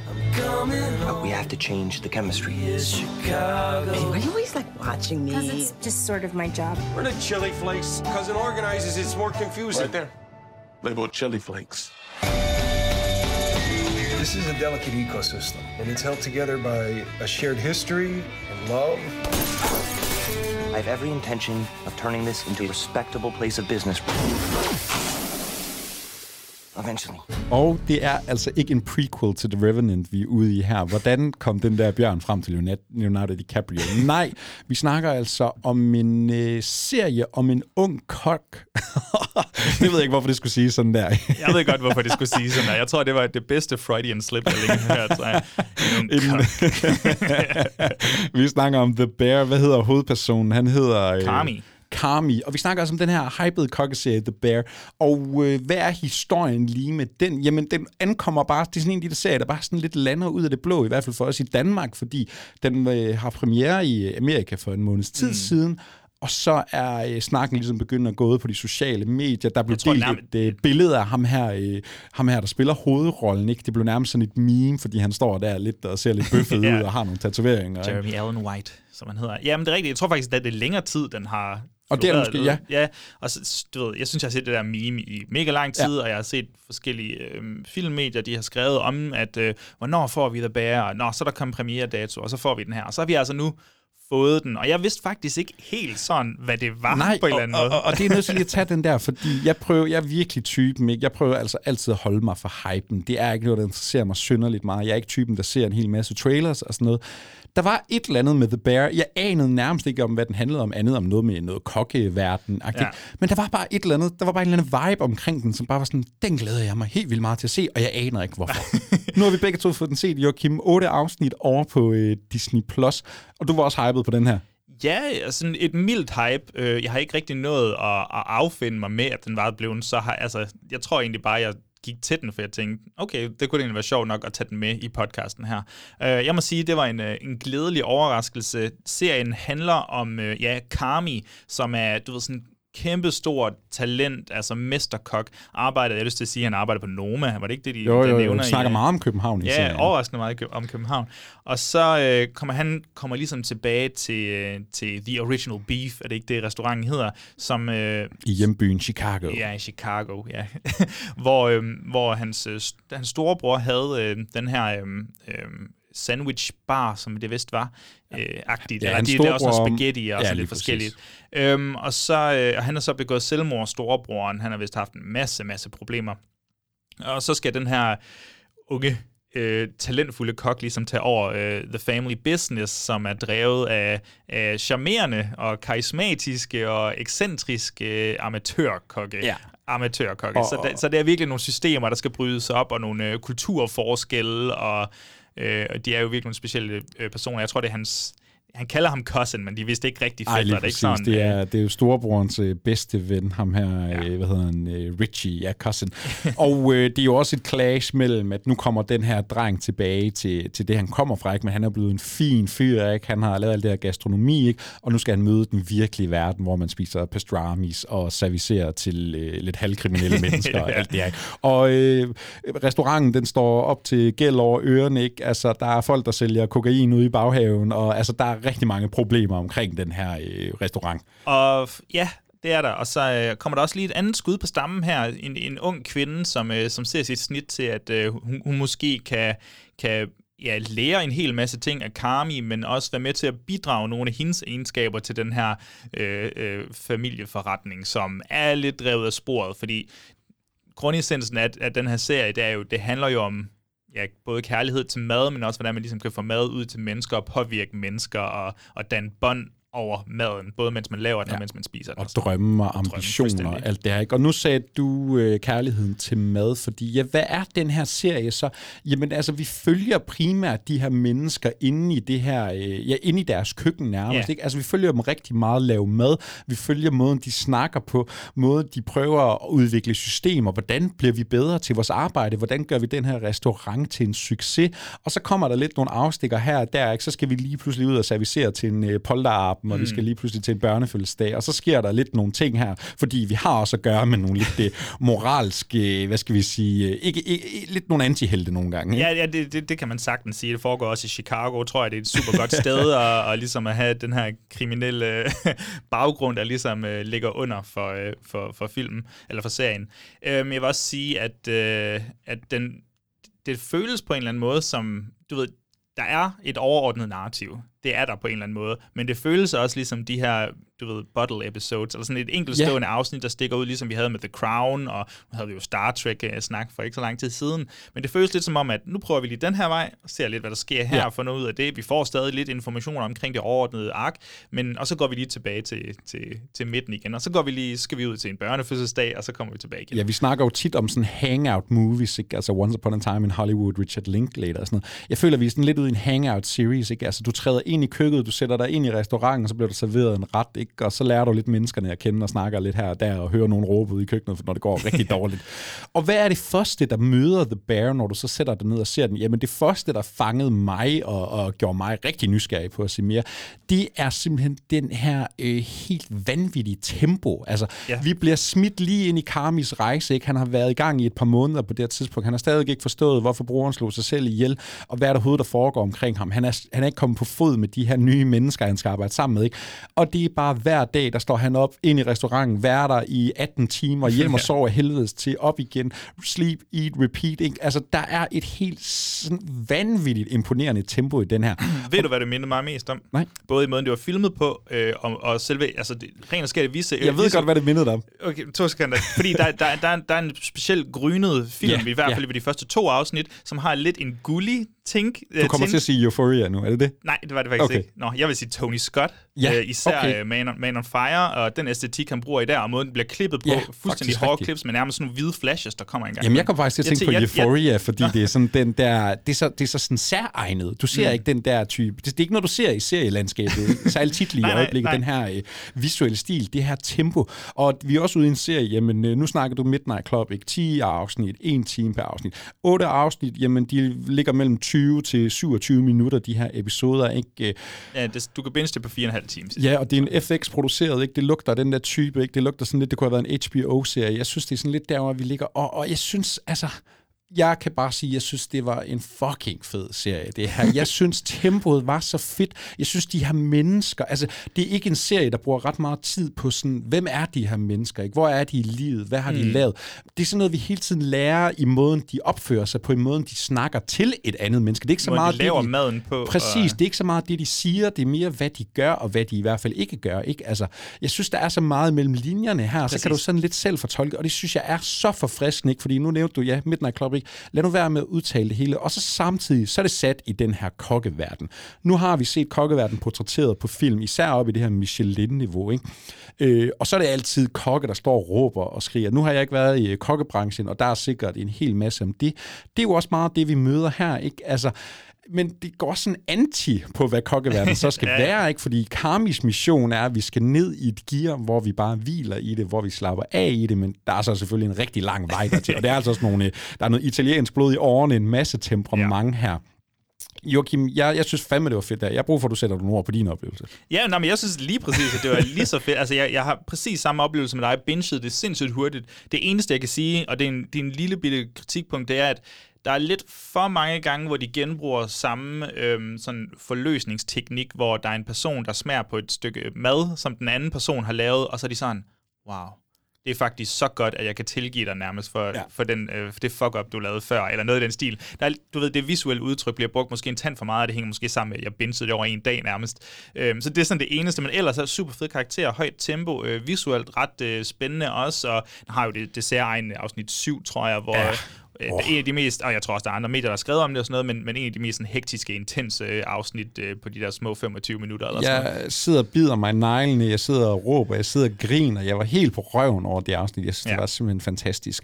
Øh, og, og også bare sådan, det er også bare til dig. Hvis du elsker at se de der Netflix-dokumentarer, der handler om mad, hvis du sidder og ser Masterchef, jamen du skal se The Bear, fordi bare, ja, måden det film på, du ser bare alt det der lækre kød. Det er sådan en serie, der gør dig rigtig sulten, ja, når du så ser fordi alt ser bare mums ud. Ikke? Altså, og øh, ja, præstationerne generelt, jeg synes ham her, øh, Jeremy Allen White, var dernede. Ja, super god. Øh, kendt fra Shameless, kan jeg forstå, ikke noget, jeg nogensinde selv har fået set. Har et meget sådan, ja, øh, markant ansigt, ikke har en fed sådan, øh, altså hans, han, han er jo en traumatiseret karakter i bund og grund. Han har slidt og slæbt sig igennem den her kokkeverden. Jeg synes, øh, der er et afsnit, hvor han har en fantastisk monolog, ekstremt rørende om, hvad han kommer fra, hvorfor han har gjort mm. det, den rejse, han har været på. Ikke? Og han er sådan hele tiden, han skal hele tiden være cool, ikke? han skal være lederen, der holder dem alle sammen op. Han skal holde sit temperament, men du ved, hvornår knækker han? Det er også hele tiden der, at den prøver at føre sig Jeg synes samtidig, han ikke, at han er ikke den der, man kunne godt forestille sig et scenarie, hvor han vil være den ultra-karismatiske, kommer og så virkelig bare have styr på det hele. Ja. Jeg synes virkelig også, han, han har selv nogle problemer, og han er ikke altid karismatisk, og han er også lidt akavet en gang mm. imellem. Altså, du ved, han er lidt fanget i den der øh, rige, eller ikke rige verden, men den prestigefyldte verden, han kommer fra. Og, men samtidig er der et, nogle knaldstærk, du ved, et knaldstærkt forhold med hans søster og hans øh, øh, storebror, der begik selvmord. Øh, altså, jeg vil også sige, at jeg fældede der også et par tårer hen imod slutningen. Altså, jeg synes fandme, at den, bliver, den formår også at, lige at, at ramme en der også. Jeg øh, er så meget klar til at give stjerner her. Jeg så tre afsnit, og så synes jeg, det var fuldstændig fantastisk. Jeg kunne ikke tænke på andet, end hvor meget jeg havde lyst til bare at fortsætte. Så fik jeg binget resten. Ja, jeg sad sgu også nærmest med tøj i øjnene til sidst. Det her, det er den bedste serie, jeg har set i meget, meget lang tid. Jeg øh, giver den altså fuld plade, Joachim. Jeg kan ikke vente på den sæson 2. Seks stjerner til The Bear over for mig. Hvad med dig? Åh, oh, shit, man. Jamen, jeg vil så gerne give den seks stjerner. Det kan godt være, at jeg, jeg giver den, når jeg får genset den, men den får fem fænomenale store stjerner. Det er en af de bedste serier, jeg har set i år. Øhm, jeg synes, alle skal tjekke den ud, og de kan gøre det på en lørdag. altså, de kan bare se det hele på en lørdag. 5 og 6 stjerner. Du skal altså se The Bear inde på Disney+. Plus. Det må være en af de bedste serier, du kan få fingrene i lige i øjeblikket. Så var det, jeg tror, skal give den 6 Michelin-stjerner. Eller oh. ikke endnu bedre. Fra The Bear, så snakker vi om noget helt andet, fordi Holy Spider kan du se i biografen. الان نمیدونم این قاتل انکبوتی میگن چیه اصلا با خودمون فقط شنیدم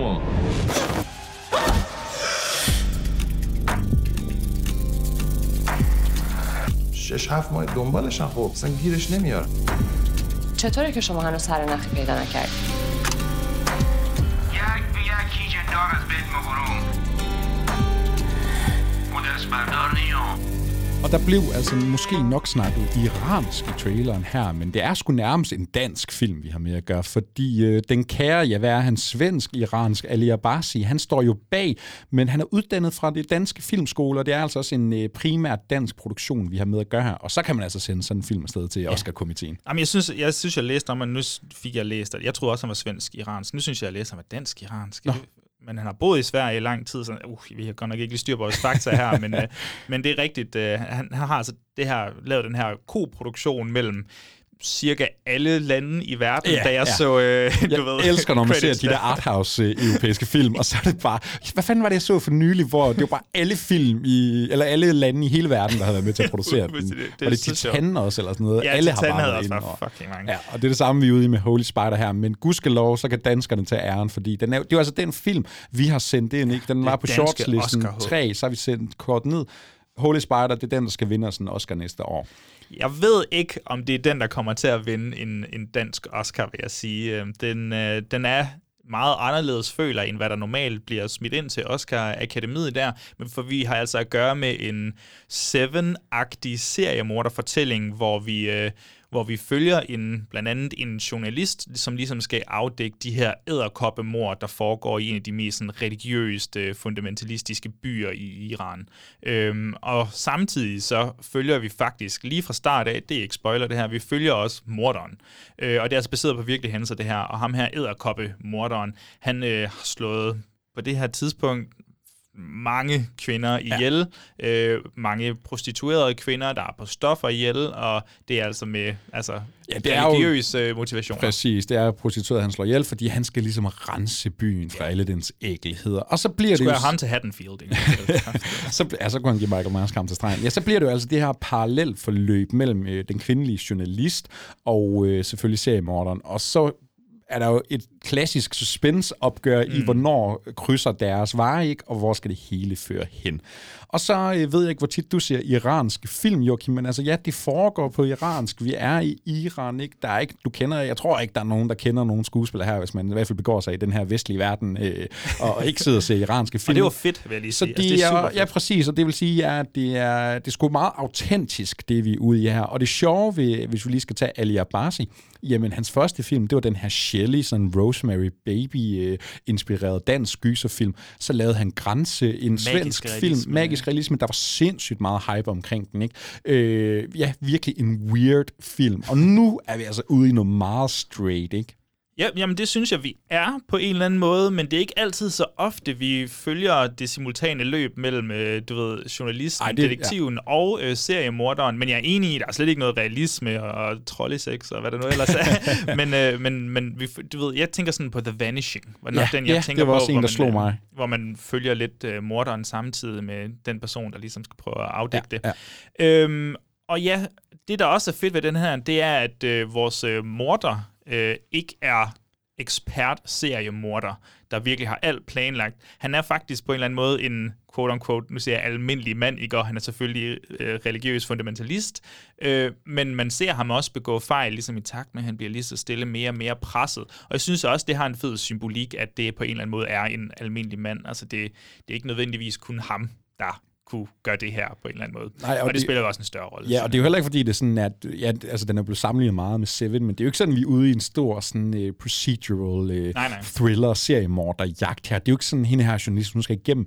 en masse steps. Det er sådan lidt, de er ret lost, og så nærmest fra den ene dag til den anden, jamen, så, ender, så står hun måske til ansigt til ansigt med ham. Ikke? Mm. Altså, det er sådan lidt kaotisk, og det handler også rigtig meget om, jamen, hun er en kvinde ikke? i det her meget yeah. mandsdominerede samfund, det her meget fatalistisk religiøse, øh, øh, fanatisk religiøse samfund. Ikke? Så det handler også rigtig meget om, hvad er hendes rolle som kvinde overhovedet?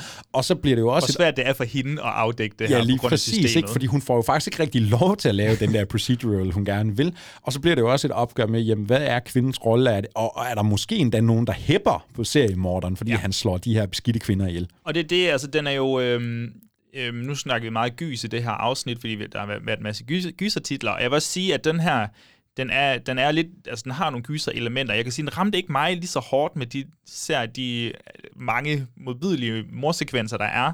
Men, øh, men, men der er noget, den er mere ubehagelig, synes jeg, end den er decideret uhyggelig. Den er, den er også spændende og, og thrilling, men den er ikke uhyggelig. Jeg synes, at øh, morerne er især modbydelige, fordi de er så personlige på en eller anden måde. Ja, også bare måden, de er filmet på. Altså ham her, ja. seriemorderens signaturmove, det er, han ja. kvæler folk. Ikke? Jeg tror aldrig, jeg har set en film, hvor vi er så up close, hvor det er så gritty, når de her mennesker bliver øh, kvalt. Du kan decideret se sådan livet forlade deres ja. øjne, ikke? deres øh, blodsprængte øjne. Jeg synes, det var sindssygt ubehageligt. Især den her åbningsscene, hvor vi følger en af de her øh, prostituerede kvinder. Jeg synes, det var enormt ubehageligt. Og nu siger du godt nok, at den ikke øh, nødvendigvis er uhyggelig. Altså, jeg ved sgu ikke, jeg synes... Øh, det er jo det, det, vi snakker om. Thrilleren er ofte, vil folk ofte synes er mere uhyggelig end gyseren er, fordi gyseren prøver at skræmme dig. Thrilleren gør det ikke på samme mm. måde, men den er ofte mere realistisk, og det gør den uhyggelig. Nu havde jeg for eksempel min kæreste med at sige Holy Spider her. Jeg har aldrig set hende sidde og, mm. og ryste så meget ned i sædet, holde sig for øjnene, og hun plejer sgu nok at kunne tåle en gyser eller to, ikke? Øh, og, og, og jeg kunne decideret høre i biografsalen, hver gang en af de her meget brutale og lange og realistiske mm. kvælningsscener, så sukkede folk på sådan en måde, Skal vi til det igen? nu, det, nu, det var en gang til, og, men også sådan lidt, åh, det er overstået nu. Det var så mm. ubehageligt at være i. Jeg synes, der var nogle ekstremt krybende fornemmelser her, der var ret uhyggelige. Ja, det er sjovt. Jeg var, jeg var ikke lige så hårdt ramt, tror jeg. Og Jeg tror på en eller anden måde, at narrativet, måden det narrativ er bygget op på, også, så fik jeg også følelsen af, at, at, at, selve mysteriedetektiv-elementet ikke var super spændende, fordi der kommer et skift på et eller andet tidspunkt, hvor, at, øh, hvor jeg føler, at filmen falder mere på plads for mig. Okay, det er det her, du gerne vil med den, det er det her, du har arbejdet dig hen til. Øhm, og, og det synes jeg er super altså, godt, men jeg tror, at uh, selve detektivelementet, det, det var lidt undervældende for mig på en eller anden måde. Jamen, jamen, jeg kan sagtens følge dig i, at detektivelementet var lidt øh, var undervældende, men jeg tror, det er derfor styrken for mig er så meget, at vi også følger ham her seriemorderen. Noget, jeg, jeg, jamen, jeg tror, jeg mener, altså hele den, det element, den første halvanden time, eller hvad det er, okay. en time og 20 minutter, jeg synes ikke, det, øhm, det var ikke så spændende igen. Nej, noget jeg synes, der var sindssygt spændende og, og, og, og nok endnu mere fascinerende, det var det her med, at vi følger seriemorderen, og den her måde, jeg ved ikke, om den decideret skaber sympati for ham, men den skaber en form for suspense i, at jeg, den får faktisk mig til at blive lidt bange for, åh oh, nej, bliver han opdaget nu? Præcis. Er det nu, det kommer? Det, det, det synes jeg nok, er så vildt, at den kan ja. gøre den film, fordi der er ingen tvivl om ham her. Han er skingrende skør, han er fucking ægel, han er psykopat, han slår de her kvinder ihjel på de mest brutale måder, ikke? Men alligevel, så kan film for mig, i den måde, den ligesom er, er, er stykket mm. sammen på, i den måde, vi øh, følger ham i de her scener, ikke? og han skal slippe sted med det, og de kommer mere på sporet af ham, så sidder jeg og tænker, ej, jeg håber ikke, de fanger ham. Det er sådan lidt nervepirrende. Nej, men jeg, jeg, ret jeg er meget enig. Altså, sådan, sådan havde jeg det virkelig også, at øh, man kan virkelig tage sig selv i, hov, hvor er det, dit moralske kompas er lige Ja, i det ja, her ja. øjeblik. Jeg tror, som sådan en afsluttende bemærkning, så vil jeg også bare sige, at jeg synes, det er en god film, det her. Øh, men det er også en film, som jeg kun kommer til at se én gang, fordi dens, øh, dens øh, budskab, lad os kalde det det, er altså så meget på plads efter bare en enkelt visning, men hvad der foregår i Iran, og hvad der ellers er op at vende, at øh, for mig så er det, en, det er nærmest for helstøbt en film på en eller anden måde. Det, det er som om, at jeg har, jeg har slugt den, og nu kommer jeg aldrig til at interagere med den igen, fordi jeg ligesom har fået alt, hvad den byder på. Øh, Men nu det, sagde det du, hårdt, ja. ja nu, og nu var du lidt ind på det der i starten med, at du ikke tror, den nødvendigvis kommer til at vinde Oscar. Det kan jeg sagtens følge i, hvis vi tager den sådan en til en i, hvad den er. Ikke? Ali Abasi, han har jo selv været ude at sige, at det var ikke tilsigtet. Den her film, den har været i støbeskeen i 15 år. Den er ikke tilsigtet. Det er sådan en, nu sker der noget Mm. i Iran, den kommer nu -agtig. Det har ikke været ideen. Den lander så, når alt det her, der sker i Iran med kvinderevolutioner og opgør, Ja, alt det her. Ikke? Og det tror jeg er rigtig godt for filmen, hvis man Det skal tage jeg de også. briller på. Ikke? Men jeg tror da også, tror du ikke, det kunne være med til at give den noget oscar Om det boss kunne det altså, nu er der 100%, selvfølgelig langt til frem til Ja, men det jo det. øh, februar-marts, men afhængig af, hvad den kommer til at konkurrere med. Jeg tror og, og faktisk hvor ikke... interesseret er de så egentlig i akademiet, Ja, hvad men der man kan foregår i sige, Iran? nu kender vi dem som nogen, der stemmer politisk ofte. Ikke? Altså, jeg vil sige, der er en ret god øh, bo, grobund for, at Holy Spider ja. kunne få noget medvind. Jeg tror, også, jeg tror, der er plads til at få noget medvind, men jeg tror sgu ikke, den kommer til at vinde lige meget med. Det lyder til, at jeg er lidt mere begejstret end dig, Joachim. Jeg var altså rigtig glad for den her. Jeg synes, det var en enormt interessant film. Jeg synes også, det var fedt at se en, øh, skal vi sige, iransk film. Altså, mm. det kunne sgu også noget, virkelig noget autenticitet og realisme at finde her. Og jeg synes, det var ret ubehageligt. Jeg giver den altså fem stjerner. Jeg synes, det er en enormt spændende film. Ja, men jeg giver den øh, fire store stjerner. Jeg synes, øh, den, den er også spændende til tider, øh, men jeg synes, øh, filmet er ret fedt. Der er nogle øh, overraskende fede scener, hvor, hvor Morter han kører på motorcykel. Ja. Altså, der er noget vildt fedt musik i, i den her. Som, Som om Reffen lige har fået lov til at skyde en scene igen, ikke? Ja, det er virkelig spøjst. Øh, men, øh, men ja, jeg synes, den er, den er, det er en lortekritik, det her. Jeg hader egentlig, at jeg siger det, men den er nærmest for hele støbt på en eller anden måde. Den er næsten for god. Den er næsten for god. den, er, den er for godt skrevet, eller det er sådan, der, der er ikke nok stof, der er ikke nok tvetydighed i den på en eller anden måde. Jeg synes egentlig, jeg ved lige præcis, hvad den vil, efter at have set den. Men altså, jeg synes, man skal tage ind og se den. Den er super aktuel, og, og jeg tror, ligesom den har ramt dig og din kæreste, jeg tror, den kommer til at ramme rigtig mange. 4 og 5 stjerner til Holy Spider. Skal du ind og kippe med det danske eller iranske flag, eller svenske, eller hvor nu eller jeg bare siger, han kom fra, så er det altså Holy Spider, du kan hoppe ind i biografen og se. Og så må vi finde ud af, om den vinder den Oscar næste år. Fra noget helt andet til noget helt, helt, helt andet, ja, så det er så, man laver overgang i Movie Podcast, så springer vi frem til noget Star Wars. Spies. Saboteurs. Assassins. We've all done terrible things on behalf of the rebellion. Cassian Andor. Don't matter what you tell me or tell yourself. You'll ultimately die fighting these bastards. Wouldn't you rather give it all at once to something real? We've chosen a side. We're fighting against the dark. Mikkel, hvad, hvad er det sidste Star Wars, du har set? Er det så Obi-Wan, eller hvad? Ja, jeg så de, da vi anmeldte den jo, vi var ikke synderligt begejstrede. Jeg tror, jeg fik rykket mig op og se tre episoder, og så wow. kunne jeg faktisk ikke holde det ud. Så var al interessen forsvundet. Ja, Ja, men det, jeg synes så også, at man har kunne mærke, at den har fået sin modstand fra folk Obi-Wan. Men- Og, og så har man lidt snakket om, hvad, hvad bliver det næste Star Ja. Wars? Hvad, hvad kan redde det her univers? Vi, vi har brug for noget fuldkommen nyt, og vi har jo faktisk fået nogle af vores, ja, han er jo ikke engang lytter, han er jo også en gæstevært øh, fra sidste år, øh, Christoffer Appelgaard, det er ligesom anbefalet Andor, det er noget nyt. Hvad, den bliver simpelthen nødt til at tage fat i, den her. Ja, vi har faktisk lovet, Christoffer, den, den er vi nok nødt til lige at snakke lidt om. Vi har fået set Andor, det nyeste store flagskib over for Disney+. Plus. De gør sig jo altså meget med de her øh, Star Wars og Marvel-serier, for den sags skyld. Andor, en øh, prequel til Rogue One, spin-offet, hvis jeg tror jeg, vi er ude i Ja. her. Vi følger øh, tyven Cassian Andor, hvad, spiller, hvad hedder han, øh, Diego Luna. Ja, man mødte ham altså tilbage i 2016 her i Rogue One. Og hvad er han lige for en størrelse, Joachim? Han er en, øh, lidt en antihelt, vi har med at gøre her. Ja, han er, vi møder ham faktisk i en, en ret fed sådan, åbningsscene, og vi, vi får at vide, at han er 20, og han øh, er ligesom på jagt efter en bestemt person. Han skal ligesom, jeg tror, han skal udforske sin, øh, sin fortid, og hvor han kommer fra på en eller anden måde. Og så stod han altså ind i nogle, øh, hvad skal man sige, nogle Imperial Guards eller sådan noget, og får desværre slået en af dem ihjel, og vi ser ligesom, okay, han er, sgu, øh, han er sgu en slem fyr, at der, folk må virkelig ikke vide noget om ham. Og ellers så begiver han sig ligesom ud på, øh, på et større, jeg vil jo nærmest ikke kalde det en eventyr, men en mission på en eller anden måde, og ender ud i nogle forskellige, øh, altså han møder nogle forskellige grupperinger, og ender lige så stille med at blive en del af noget, øh, øh, hvad hedder det, sådan en rebellion. Ja, sådan en øh, modstandsgruppe. Ja, ikke? modstandsgruppe, tak. Og øh, ja, vi har Diego Luna, vi har Stellan Skarsgård. Er der andre sådan kendte ansigter, nogen man møder? Vi, vi kommer til at følge ham Der her. er jo ham fra The Bear. der er jo Richie, cousin Richie, han er med i. Ja, det er sgu rigtigt, ja. Øh, og vi følger også, nu kan jeg ikke engang huske, hvad han hedder, men vi følger sådan en, øh, han er ligesom en af de der Starfleet-officerer. Ja. Han er sådan en, han er den nye skole, ikke? og han vil gerne ud og øh, fange Cassian Vis Andor sig. her. Vis sit værd, virkelig. Ja, lige præcis. Øhm, hvad er der ude? Er det, er den, var den seks afsnit, eller hvor lang er Nej, den? jeg er? tror sgu, der er 12 afsnit. 12 afsnit, hold da kæft. Du har set Seks afsnit. Yes, og jeg nåede altså ikke at se mere end to, så du er også øh, lidt foran mig her. Ja, vi snakker lidt om det Star Wars, ikke? Altså, hvad fanden er størrelsen lige på det efterhånden? Hvad er vores temperament omkring det? Øh, jeg kan sige så meget... Det er ikke fordi, jeg sidder og glæder mig til, at der kommer den næste Star Wars serie. Jeg har faktisk meget, meget, meget lidt interesse i det her univers. Jeg tror også, jeg, vi har nok nævnt det under øh, Obi-Wan dengang. Altså, jeg er ikke sådan en, der er vokset op med Star Wars og har det store forhold på den måde.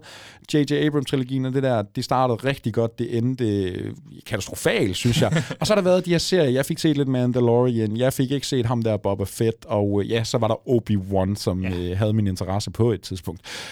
Nu står vi her med Andor. Joachim, har du øh, nogen feeling? Kan du spise mere Star Wars på nuværende tidspunkt? Jeg synes lidt, jeg er blevet lovet, at det her, det skulle være altså sådan virkelig godt. Det skulle virkelig være Star Wars tilbage på sporet, og jeg kan mærke noter af det. Altså, jeg synes faktisk, at det første afsnit, jeg nåede lige at få sådan nogle Blade Runner neon øh, noir vibes, øh, tænke, at okay, det bliver måske lidt mere råt, sådan gritty og sådan noget. Og Det var Reffen igen, der fik lov til at Jamen, en det kan godt være, der er et eller andet der. Og, og det synes jeg lige, den havde i et stykke tid, men så begynder den der plotting der. Så begynder vi virkelig at skulle ud til alle mulige forskellige fraktioner. De skal ud på en, man- skal finde MacGuffin, den her skal transporteres det her sted, vi skal over til dem her, og så har vi, du ved, vi skal lave et heist herover og, og det er jo... Det er, jo fint, det er jo fint nok. Jeg synes bare, der er så meget, og tanken om, at der er 12 afsnit ved det her. Nu har jeg set 6 afsnit, og det tager altså noget tid, før vi lige kommer op til noget, der egentlig er sådan relativt spændende. Også fordi jeg synes ikke, at alle karaktererne er... Altså, det, det er ikke fordi, jeg synes sgu ikke, det er banebrydende, det her. Jeg kan godt forstå, hvis man har altså, gået i Sahara og virkelig har haft brug for det næste du ved, Star Wars fix. Ja. Og så får man det her, der er utrolig velskabt, og det er jo Tony Gilroy, der står bag det, og han er jo en mand, der ja, både har stået bag Rogue One for den sags skyld, men også, øh, du ved, Bourne-trilogien og Michael Clayton og sådan noget. Altså, han, han er sgu en gedin øh, øh, filmskaber, øh, og jeg synes, man kan mærke en, en øh, seriøsitet og og, øh, og nogle egenskaber her. Ja, jeg det, synes- det, det synes jeg 100%, at der er en vis, visuel æstetik, Ja, der præcis. er gennemgående. Jeg, jeg synes især, der hvor Andra, den bemærker sig rigtig godt, det er den der, sådan, der er noget taktil, ikke? Der er en feeling omkring det, der er et univers, der er sådan, det er, jeg kan sagtens følge det der i, det er sådan lidt mere gritty, det er sådan lidt mere råt, altså inden for Disneys jeg tror, det er der, hvor jeg Star Wars standarder, ikke? Øh, jeg tror for mig, jamen Andor, jo, den føles måske frisk, fordi det er ikke en Obi-Wan, vi skal ikke tilbage til Skywalker-sagaen, vi, vi får faktisk lov til at møde nogle sådan rimelig nye karakterer, ikke? Altså, vi kommer lidt mere ud på, på dybt vand i, i, i det henseende. Jeg tror bare, et er sådan en, ja, en grundlæggende manglende interesse for mig, men for mig er det også bare sådan, prøv at høre, jeg har sgu luret jer efterhånden. Jeg synes hele tiden, det er sådan meget det samme i nye klæder. Ikke? Altså for mig er det her ret meget bare Mandalorian i nye klæder. Det er ret meget, nu skal jeg fra A til B, nu skal jeg fra B til C, så møder jeg ham der, så møder jeg hende der, så laver jeg en alliance der. Sådan, jeg ved godt, det, det, det, der, der, der er måske et større ark på spil, sådan, øh, hvad skal vi sige, mm. sammenhørende her. Ikke? men den følelse, jeg får ud af det, det er sgu bare sådan lidt, ja, yeah, det var sgu fint, men nej. Jamen, jamen, jeg har det på samme måde. Jeg tror ikke helt, jeg er over på... Jeg har ikke sådan Mandalorian-viben, fordi der havde de også de der enkeltstående afsnit, hvor vi skulle ud og udforske et eller andet. Den her, der er stadig sådan lidt mere øh, plotting, der går ind i det, men jeg tror også bare, jeg bliver, jeg bliver lidt hægtet af, fordi Oh, jeg ved ikke, om det er Star Wars-universet, jeg også synes lidt har mistet sin, uh, sin gnist, og det, det, det, det tænder mig ikke helt nok. Så det, altså, jeg vil også sige, hvis, hvis I sidder derude og er kæmpe fans af Andor og, og Star Wars, hvad det blev til, så altså, det er nok ikke lige mig, I skal lytte på, vel? Fordi det er ikke, fordi jeg brænder for det her franchise, uh, men jeg, jeg medgiver, at vi er tilbage til noget af en bedre kvalitet. Ja, og det er også bare sådan en... Jeg tror også bare, der er sådan...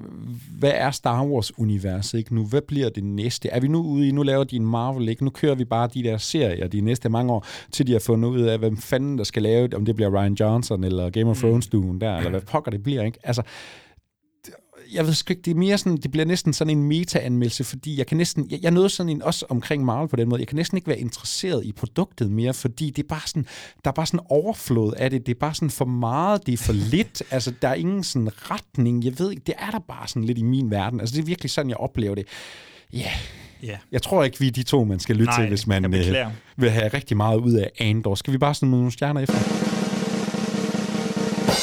Den får meget fine, milde fire stjerner af mig.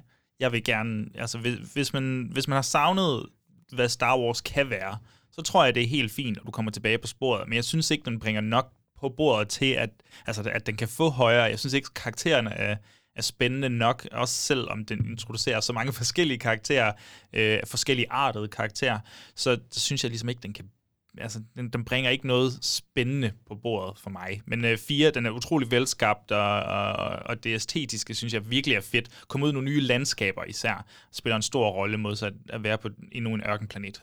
Ja, Jamen, øh, jamen, jeg kommer til ekko. Altså, for mig er det små fire stjerner. Og ja, det er jo ikke sådan en serie, man kan sidde og sige en masse dårligt om nødvendigvis, men det er bare sådan en helt ja, grundlæggende interesse, synes jeg. Så ja, to gange fire stjerner til Andor. Det er nok ikke i det her henseende også to, man skal lytte allermest til, hvis man er øh, u- øh, utrolig begejstret omkring øh, Star Wars og, og hvor det må føre hen.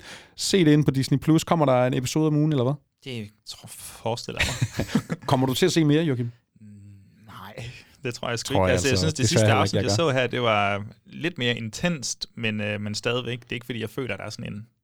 Oh, nu, nu skal jeg fandme vide, hvad der sker i, i Andors liv her. Fra øh, Andor, som vi efterlader her, så hopper vi over og skal til at snakke tysk. Meister? Paul Bäumer? Ich möchte noch nicht loslegen. Und ein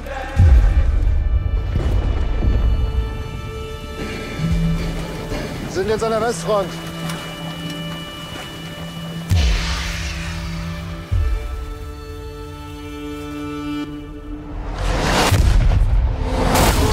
Wie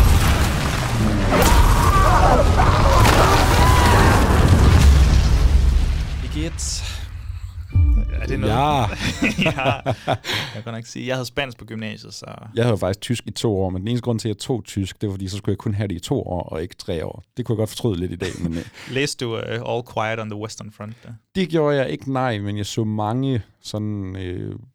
Nej, det ved jeg ikke. Jeg så ikke, faktisk ikke rigtig nogen krigsfilm, okay. det var sådan noget, de vælger og sådan noget, man så, mm. var det ikke det? Jo, det tror jeg. Hvorfor sidder vi og snakker tysk lige nu?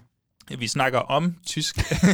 Øh, vi snakker ikke så meget tysk, men vi gør det, fordi at der er kommet på Netflix, kommer der nærmere en, øh, en, øh, en genindspilning af, af du ved, den her meget velkendte roman af Erik Maria Remarque. Er det sådan Remarque? Den, den får du. Ja, det, den må jeg lige, som også blev filmatiseret der i 1930, og tror jeg, at den vandt nogle Oscars og sådan noget.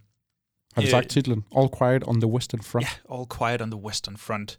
Øh, et mastodontværk på et eller andet måde, og så kan man så spørge sig selv, hvordan kan det være, at Netflix og den her tyske produktion, de lige pludselig vil øh, filmatisere på ny vis det her gamle værk. For jeg tænker jo sådan lidt, at øh, hvad er der sket med krigsfilmen her de sidste mange år? Har krigsfilmen en plads i, i, i filmlandskabet nu? Altså alt er jo superhelte, og, og, og hvad, hvad, hvad er krigsfilmen lige, når vi har nogle ybermennesker, der kan gå og slå på hinanden. Øhm, så, så jeg tror også, jeg tror også, jeg sagde det til dig her inden, hvis jeg var en bedre skribent og lidt klogere, så ville jeg gerne have skrevet den der artikel, der hedder, er krigsfilmen død? Øhm, men så kom der ligesom, så skete der det med 1917, øh, da den kom for, for nogle år siden, at okay, er det det krigsfilmen er blevet til? Det bliver øh, gimmick gimmick-baseret. Øh, det skal være et langt one-take, fordi så kan vi øh, indleve os mere i du ved, de horrible scenarier, der forekommer på skærmen. Og så har vi så All Quiet on the Western Front her, og hvad er det lige for en sag? Passer den ind i den her gimmick-model, jeg så fint har sat op? Ja, det gør den jo nok ikke. Der er i hvert fald ikke øh, meget gimmick på spil her. Det er faktisk en meget sådan, øh, vi skal helt ned i muret, ikke? Vi er i øh, Første Verdenskrig. Og så er det så sådan en fortælling om ham her, den unge Paul Baumer, og hvordan hans oplevelse med krigen er. Jeg mener, vi befinder os sådan, vi er ved at nå slutningen af Første Verdenskrig, ikke? Men det er ligesom, hvad har den her mand oplevet? Alle de krigens rædsler, hvordan kommer det til at påvirke ham resten af livet, ikke? Og hvad er der sådan helt politisk og menneskeligt mm. omkring især de her unge soldater og det, de nu skal videre herfra? Så alle krigsfilm? Ja, yeah, yeah. fordi uh, All Quiet on the Western Front, jamen det er jo ret meget en uh, sådan straight krigsfilm. Der er altså ikke noget uh, first person her, eller en sort-hvid, der er kaptajn eller noget som helst. Og øh, Joachim, du har set to en halv times krigsfilm på Netflix. Det er jo altså ikke lige hver dag, der lander sådan en film, og så snakker de sågar også tysk. Hvordan øh, var din oplevelse med det her? Jamen, det var faktisk en, øh, en på en eller anden måde undervældende oplevelse i forhold til, hvor mange rædsler, der forekommer på, øh, på skærmen, fordi den er, jo, den er jo sindssygt barsk, og den er indlevende og skudt på en indlevende måde, som man virkelig kan altså mærk, når de her unge knejder nærmest bliver stukket af bajonet, er det ikke bajonetter, det hedder? og, øh, og bliver forsprængt armene af og bliver kvalt i mudder, og, og du ved, de der skyttegravs, skyttegravskrige er jo bare de mest modbydelige, der nærmest eksisterer rent krigsmæssigt. Øhm, og samtidig så ser vi, hvordan de her unge mennesker mister deres uskyld i form af krigen, og ligesom skal, du ved, de starter ud med at være sådan virkelig excited og, og spændte på krigen, og, og til sidst så ser vi den jo bare kæmpe for livet og kæmpe for hinanden, og så har den da også den, som jeg lidt godt vidste vil ske, tror jeg, sådan en tragisk slutning på en eller anden måde. Øhm, ja, så, så, så generelt vil jeg sige, en undervældende oplevelse af en velskabt film. Ja, fordi hvad er det så, der gør den undervældende? Jamen er vi igen ude til dig, som du var inde på med Holy Spider? Er den bare sådan lidt for god, lidt for, lidt for lidt det, den er? Der ikke? tror altså, jeg, er det, fordi, gen, den ikke... gen, gen, gen, den genkendelige historie. Ja, præcis. Er det fordi, den så er vi ude i en film, der ikke udfordrer dig nok, der ikke har et sådan et øh, nok øh, unikt sprog i, hvad den gør? Fordi min oplevelse under filmen, det var nemlig sådan en, jamen den er sgu meget fin, men den rører ikke sådan super meget i mig. Og, og vi snakker lidt om det inden her. Du kan ikke sådan sidde og kritisere en hel masse, sige en hel masse dårligt. Den er spillet godt, den er godt filmet, der er god action, hvis man er til det. Ikke? Det er det her meget sådan uh, grounded og realistiske, brutale krigsdrama. Selvom ikke? jeg godt kan kritisere lidt de der CGI Ja, der er nogle- ja, Det er begynder godt nok sådan at blive sådan så tydeligt en gang imellem. Ja, men det er sådan, den er sgu sådan ret fin, men den er der også bare, og det er sådan lidt bare endnu en krigsfilm. Ikke? Og jeg ved, jeg, jeg kom til at tænke ret meget under min øh, oplevelse med den, sådan, hvor ligger jeg lige omkring krigsgenren? Hvornår er det, jeg synes, en krigsfilm er fed? Ikke? Jeg elsker Apocalypse Now, ligesom alle andre. Jeg elsker Platoon, Saving Private Ryan, altså, øh, og også de mere lavmældte, øh, skal vi sige, øh, hvad hedder den der, Untergang, eller skal vi snakke øh, Schindlers Liste, altså, hvis man vil kalde den en krigsfilm. En af de bedre, jeg har set, fordi den er så anderledes. Det er sådan under, danske under sandet der. Ja. Så Land of Mine. Præcis. Øh, jeg tror, sådan, de, de er ved at være lang tid siden, der er kommet en krigsfilm. Sådan her i hvert fald de sidste 20 år. Fordi selv sådan en som der kaptajn, der var, men den var sort-hvid. Ikke? Vi fulgte den fra en skurks side. Ikke? Altså, det, og vi var også inde og se uh, The Painted Ja, ja, Bird sammen, på, ja. hvor der går Lars von Trier på den. Det er så fucking brutalt, som noget overhovedet kan være, hvor det bliver nærmest for meget af det gode. Ikke? Selv kan man sige, jamen, jeg kan ikke sige noget dårligt om den film, men den ramte mig bare ikke, som den har ramt rigtig mange andre. Og jeg føler, det er sådan lidt ud i den her, ja, nu nævnte du 1917, ikke? Den har en gimmick, man kan hække sig fast på. Den fangede heller ikke rigtig mig. Men der er så meget pænt at sige her, men alligevel, så er det bare sådan lidt, nå. Ja, jamen jeg tror, hvis man har en interesse i, ja, i krigsfilm, men også øh, øh, intriger, altså krigspolitisk politisk, øh, intriger, så er der også et element af det, der spiller en rolle, for der er ligesom en kamp med tiden her på en eller anden måde, og nogle egoer, der skal tilfredsstilles, og, og lidt i den stil. Øh, jeg tror blandt andet Daniel Bryl, han spiller en rolle, der er sådan lidt mere politisk rolle, men øh, man kan måske øh, hække sig på, hvis det er det interessante, og ellers så er der jo også nogle fede kampscener og sådan noget. Jeg vil så også sige, en af de fedeste elementer for mig, igen, musikken. Ja. Den, den, det var, det var, det følte jeg faktisk, det var lidt nyt, for det føles nærmest som en, du ved, det er de der sådan noget brass instrumenterne, sådan lidt Hans Zimmer-agtigt, men, men lidt mildere, ikke? end Hans Zimmer, som, som giver sådan en, du ved, selvom karaktererne på skærmen har det sjovt og er spændte på, at nu skal de i krig og vise sit værd for fædrelandet, og så, øh, så er der stadig sådan en dommedagsagtig følelse over det. det. Det synes jeg var sådan det overraskende, øh, unikke element ved den, men ellers så er det virkelig en straight krigsfilm, som sikkert kommer til at tilfredsstille en masse øh, mennesker, når de ser den sådan lørdag aften. Øhm, og så tror jeg også, at måske, at øh, net, kunne forestille mig, at Netflix prøver ligesom at skubbe den lidt for deres øh, Oscar-håb. Jeg tror, det er den tyske Oscar. Ja, man kunne jo godt øh, forestille sig, at den kommer til at dyste med Holy Spider, hvis det går den vej. Ikke? Altså, det var også, der var den, jeg tror, den fik sin verdenspremiere på Venedig Filmfestival, hvor den fik rigtig meget ja. øh, godt med på vejen. Hvor meget godt det kan blive til, skal vi smide nogle stjerner efter? Jeg tror, jeg kommer til at lave Andor-rutinen her og sige fire, fire sådan... Ej, jeg synes, den er lidt bedre end Andor, men, øh, men sådan fire fine stjerner. Altså, jeg tror, den, den kunne have været meget mere, men på en eller anden måde, og det er jo, føles jo modbydeligt at sige, men sådan en ret altså, genkendelig historie. Man er vant til den, og så rammer den ikke lige så hårdt, selvom du kan se 17 millioner knejder blive slået ihjel i skyttegraven. Det er jo det er jo vanvittigt. ja, nå, det er jo netop det, og man føler sig jo nærmest kynisk, når man sidder ja. og siger det. Ikke? Altså, men igen, jeg kommer til at ekko, det er fire stjerner. Jeg kan ikke sige sådan rigtig en masse dårligt, men jeg kan heller ikke sådan sige noget, der gør, at du kommer til at huske den her, og det bliver den bedste krigsfilm lavet i nyere tid. Nej, den er helt uh, gennemsnitlig og, og, og fin for, hvad den er. Fire, uh, to gange fire stjerner til All Quiet on the Western Front. Du skulle kunne se den på Netflix fra, er det den 27. oktober, tror jeg. My powers are not a gift, but a curse. Born out of rage.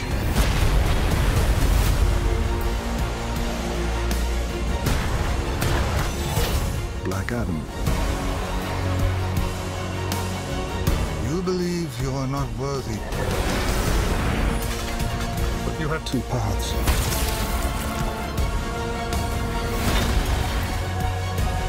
You can be the destroyer of this world. Or you can be its savior.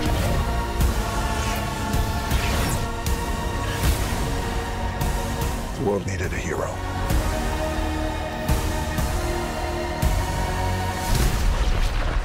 Instead, it got me. Og vi flyver altså igennem titlerne her. Nu er det altså også blevet til mange, Joachim, men øh, vi har skulle lige en tilbage, og jeg ved, du har glædet dig til at snakke om det. Åh, oh, jeg har glædet mig så meget, fordi endelig får nu, altså, så får vi nogle superhelte på programmet. Hvis der er noget, vi har manglet at snakke om, så er det fandme superhelte. Vi har øh, Dwayne Johnsons øh, seneste film, som så er en superheltefilm. Han er gået fra at spille supermennesker til superhelte nu. øh, Alle, der siger Fast and Furious ikke er en superheltefilm, ja, de lyver jo. det var det. Så, øh, så nu spiller han altså den øh, utroligt velkendte Black Adam. Er det, Teth Adam, eller Teth hvad Adam, ja. Black Adam. Er det en øh, karakter øh, fra DC-universet, du er bekendt med herinde? Jeg er ikke øh, ham, der har haft en masse tegneserier. Det er ham, der bliver til Black Panther, ikke? Nej. jeg var, ja, det tror jeg, der var noget der. Var det ikke ham, der dukkede op til sidst, eller hvad? Nej, det er vist et andet univers. Nej, jeg har sgu ikke noget forhold til Black Adam. Man kan sige, nu er vi jo også nået et uh, kulørt, uh, ja, nu er vi nået et kulørt tidspunkt i de her superheltefortællinger, fordi nu har vi netop en She-Hulk eller en Black Adam. Ikke? Nu begynder vi altså om noget at nå de her karakterer. Det er måske ikke lige en alle og enhver, der kender til som en Spider-Man eller Batman. Nej, Black Adam, en, uh, en uh, karakter, der kommer fra det her Shazam-univers, så vidt jeg har forstået, tror jeg. Det tror jeg, der er sandt også. Øhm, ja, vi fik jo en Shazam-film for et par år siden. Også en, en, en mere kulørt øh, ja. superhelte, og ja, en øh, fin film for, hvad den var. Handler om, ja, nu, hvis vi snakker Black Adam her, handler om en øh, gammel dreng. Hvordan fanden skal En forklare gammel det? dreng. En gammel dreng. En, en dreng, der blev født før Kristus i hvert fald. yes, Fordi jeg tror, vi, det er øh, 5.000 år siden. Vi har en rigtig Lord of the Rings Cold Open med øh, den store fortællerstemme. Ej, det er faktisk en lille dreng, der fortæller. Ja. Øh, en lille dreng, der fortæller om det her store, gamle rige, ikke? Med en stor... hvad Er, det, hvad hedder kejseren? Øh, Kong Tup Tup? Jeg føler, det er en karakter, eller navn, man har hørt før. Okay. Det går også skide godt, det her. Øh, vi får den her store fortælling, og der er den her dreng, der de leder efter et element, sådan en blå krystal, der gemmer sig nede i Eternium. jorden. Eternium, det er den, de alle sammen graver efter. Unobtainium. Fordi den skal ind i den her, øh, den her øh, hvad hedder sådan en krone, fordi ham her kejsertypen, han vil altså bruge den krone til at hedkalde dæmoniske kræfter. Jeg vil sige, at den intro er nærmest bedre, end den, der er i filmen. Øj, du er hård nu. øh, det sker det her, det bliver fortalt, og så, ja, for at gøre en kort historie lang, ham her, Teth Adam, Tooth Adam, jeg kan ikke engang huske, hvad han Teth. hedder. Teth Adam, han, øh, han får ligesom noget af det her ind i sig. Han møder de her øh, guder, som giver ham den her Shazam-kraft. Yeah. Når han siger Shazam, så bliver han en øh, stor, kraftfuld, mægtig Ja, gud. sådan en superhelteagtig type med cirka de samme evner-agtigt. Et eller andet i den stil. Ja, og så øh, spoler vi ligesom frem til nutiden, hvor den her by, de, jeg kan simpelthen ikke huske navnet på byen, men, men byen, Kondria, eller et eller andet. Sure. Kolandia. Øh, byen eksisterer i hvert fald stadigvæk, og er ligesom under, den er ligesom øh, besat af sådan nogle imperialister, Intergang, tror jeg, de hedder, eller sådan noget. Øh, og selvfølgelig sker der det, at der er nogen, der er på jagt efter den her krone, som du snakkede om, og på en eller anden måde, så bliver vores kære øh, Black Adam der hidkaldt øh, af, af en kvinde, og Ja, fordi der er jo en masse savn om den her mand, ikke? og han er jo ligesom byens beskytter. Præcis. Så kan vi ikke få ham til at komme og jorde de her intergang og befri os fra vores øh, slaveholder. Men det man kan, siger, der er vi ved at være ved plottet. Så kæft, er der er lige lidt Okay, tilbage, ja. fordi man kan jo ikke bare lade en øh, almægtig gud komme ud i verden. Oh, det ja. har vi jo altså lært med Superman. Så nogle er man nødt til at tøjle. Ja, så det er godt, vi har en rød telefon, der kan ringe til ikke The Justice League, men The Justice Society. B-holdet. det er når Justice League, de ikke lige har tid, øh, når Zack Snyder ikke har fået styr på trupperne. Ja, fordi så ringer man til Justice Society, og så dukker der nogle andre gudeagtige superhelte op, ja. og så kan de forhåbentlig sætte øh, Black Adam på plads, så han ikke gør lige, hvad der passer ham. Præcis. Er vi ved at være der, eller hvad? Jeg tror fandme, vi er ved at være der. Det var da ufattelig lang vej hen til det, vi Ja. nu egentlig skal snakke om, som er øh, filmen. vi har jo at gøre med en ny DC-film. Nu har vi snakket ufattelig meget Marvel på den her øh, podcast, så det er måske også meget frisk, at vi endelig får tid til noget DC. Sidst vi havde dem op at vende, jamen det var Peacemaker på den her podcast. Jeg føler også, det er det sidste, der har været fra DC. Der har måske været ja, et par altså, The, tegnefilm Bat- her The og der. Batman gælder jo ikke med ind Nej. i det her univers, bare lige sådan. Lige nøjagtigt. Og øh, ellers, ja, så skal vi jo nærmest tilbage til noget The Suicide Squad, noget Zack Snyder's Justice League. Birds den her. of Prey, er det noget? Ja, det var også den for et par år siden. Altså, der er jo, øh, man kan sige, humlen omkring DC kontra Marvel, ikke? Jamen, mens Marvel, de har haft den her mange, mange, mangeårige øh, varige plan for, hvad der skulle ske, og hvem der skulle introduceres, og hvor det hele skulle føre hen, så har DC lidt lagt en lort her og der. Det er den handicappede lillebror. øh, Ja, og der kommer også lige en guldklump her og der, ikke? Altså, det har virkelig været et øh, særligt projekt at følge deres øh, shared universe, stable sig selv på benene, ikke? Fordi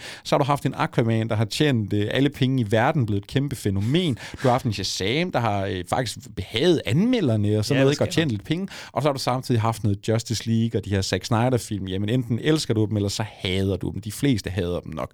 Nu står vi med Black Adam. The Rock, han siger, der kommer til at ske et øh, hierarkiskifte i DC nu. Jeg er ankommet. Jeg skal til at lave film. Yes. I, kommer, I har aldrig, i alt promoveringsmaterialet har han jo bare sagt, der er ikke, altså, den her karakter er ulig, altså ulig andre. Det er en antihelt, det er ikke bare en el- helt. Det er The en, boys go home. Black Adam er inde i det er en antihelt. Det har I nok ikke hørt om før, siger The Rock.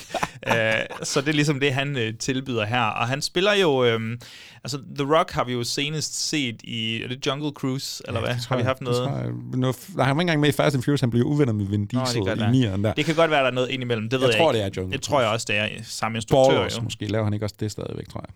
Der har været en sæson. Det ved jeg sgu ikke. men, øh, men, men det samme instruktør i hvert fald. Øh, og, og, og her, øh, i de tidligere film, noget, jeg er ikke altid super glad for, for Dwayne Johnson-film, men jeg vil sige, at manden har unægteligt karisma. Han yeah. er fandme tiltrækkende og besnærende, magnetisk nærmest. Altså, jeg synes, han er super underholdende. Her har han så valgt at spille en, en fish out of water anti-held, der er fuld af ikke sarkasme, men deadpan humor. Og jeg må godt nok sige, hvis der er en rolle, der ikke, udover at han ligner, altså, han ligner en superhelt. øh, Jamen, den mand ser jo for sindssyg ud. Altså, det er hans, helt sindssygt. hans nakke har en nakke. Nå, men... Øhm, men jeg synes bare, at øh, han er fuldstændig forfejlet i den her rolle som, øh, som deadpan øh, anti-held, der sådan prøver med noget deadpan humor en gang imellem, men man sidder godt nok bare wow, jeg savner Charisma John. Jamen, Johnson. og det er jo sjovt, ikke? Fordi jeg kan huske, vi roste ham rigtig meget Jungle Cruise, fordi der bruger han faktisk også rigtig meget deadpan humor. Nu kan man sige, at den foregår i et mere mundret univers. Ja. Men det er lidt en øh, ikke så stærk kontrast, når du så sætter det i et knap så mundret univers, og med en knap så mundret The Rock. Fordi ja, han spiller ham her, øh, han spiller ham her Black Adam, ikke? Og øh, hvad, er ligesom, øh, hvad er ligesom filmens udfordring? Jamen, det er, er Black Adam ond eller god? Ikke? Han er den her anti Hvem kæmper han egentlig for? Hvem side er han egentlig på? Øh, hvordan var det egentlig, hans øh, alliance var de der 5.000 år siden? Ikke? Og hvad har han tænkt sig at gøre i dag? Og hvem kan overhovedet kontrollere det her menneske? Mm. Fordi The Rock, ham kan du altså ikke bare stoppe, når han får Og ind i samtidig har vi det her, den her øh, besatte by, som ligesom skal... Skal de blive ved med at blive, være besatte, eller skal de bruge en held til at komme fri, og skal de have lov til selv at bestemme, og så er der lidt nogle oprør, ja, modstandsbevægelser og sådan noget i gang der. Øhm, altså, jeg, jeg kan sige meget tydeligt, at øh, det her det er langt fra den værste film, jeg nogensinde har set, langt fra den værste superheltefilm, jeg nogensinde har set, men jeg havde ikke en super god oplevelse med den her. Jeg ved til gengæld, at du måske havde en lidt bedre oplevelse med den. Vil du ikke prøve at... Og nu teaser du jo lidt... Vil du ikke prøve at sætte øh, nogle ord på det? Nu teaser du jo lidt, om vi skal ind i anmelderarenaen igen. Det er jo ikke så tit, vi finder den frem. Det er jo Nej. nærmest kun en eller to gange i øh, podcastens historie, det er sket. Men jeg ved sat med ikke, hvad der skete her. men altså, jeg havde sgu en ret god oplevelse med Black Adam her. Og det er jo sjovt, fordi vi har at gøre med sådan en... Det er sådan endnu et eller andet vanvittigt DC-projekt, hvor man har ringet til... Man har ikke en Kevin Feige, der har det store overblik, så man ringer til verdens største filmstjerne, og det er både bogstaveligt talt, og hvad manden tjener, og alt det der. Og så siger man, Dwayne, har du en idé? Dwayne. Er der en eller anden, du gerne vil spille? Red os for helvede, fordi mm. folk, de kan ikke finde ud af, Og om det er de sådan en vil... metafortælling om Ja, ja, præcis. Dwayne, der Folk, de kan jo ikke øh, finde ud af, om de vil have Zack Snyder eller ej. Så vi ringer til Dwayne The Rock Johnson, og så, altså, jeg ved ikke, fascinationskraften for mig omkring den her film, og, og måske også DC generelt, ikke? Altså, det er måske lidt anti det, som øh, vi snakker om nu med Star Wars og Marvel, ikke? Man er blevet sådan lidt indifferent over for mm. det, fordi det er sådan, jamen enten er det bare produktionssamle, det er bare blevet det her produktionssamlebånd, ikke? Planen er ligesom for tydelig, at det, det sætter hinanden hele tiden op. DC for mig lige nu, jeg havde Zack Snyder's Justice League. Jeg synes, det var et magtværk af dimensioner. Den lugtede lidt af noget så bad it's good nogle gange, så på den måde var det meget underholdende. Men der er sådan et kaos omkring dem. Der er sådan et ukontrollerbart øh, måde at lave de her film. Man har ikke en jordisk chance for at regne ud, hvad de vil, hvem de vil være. ikke? Fordi jo, så får du en Aquaman. Black Adam, den hænger klart mere sammen med Aquaman mm. og Shazam, end den hænger sammen med The Suicide Squad. 100%. For så giver du lige pludselig James Gunn øh, øh, til den her. Nu snakker vi selvfølgelig meget om alt det omkring filmen. Hvad er der så med selve filmen?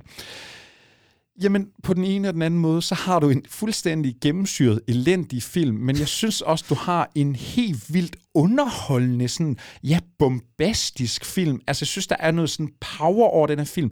Der er noget visuelt. Jamen, du har den her åbningsscene, noget af det mest rædelige, sådan CGI-mæssigt, jeg har set. Nu kan nærmest... Belyst. Ja, det er som om, de nærmest ikke har renderet scenen færdig. Men så igen, jamen lad os sige, hvis Nicolas Reffen havde fået lov til at skyde noget Halloween inden, så er det som om, de lige har givet kameraet til Zack Snyder. Så får du de her gudelignende slow-motion-billeder.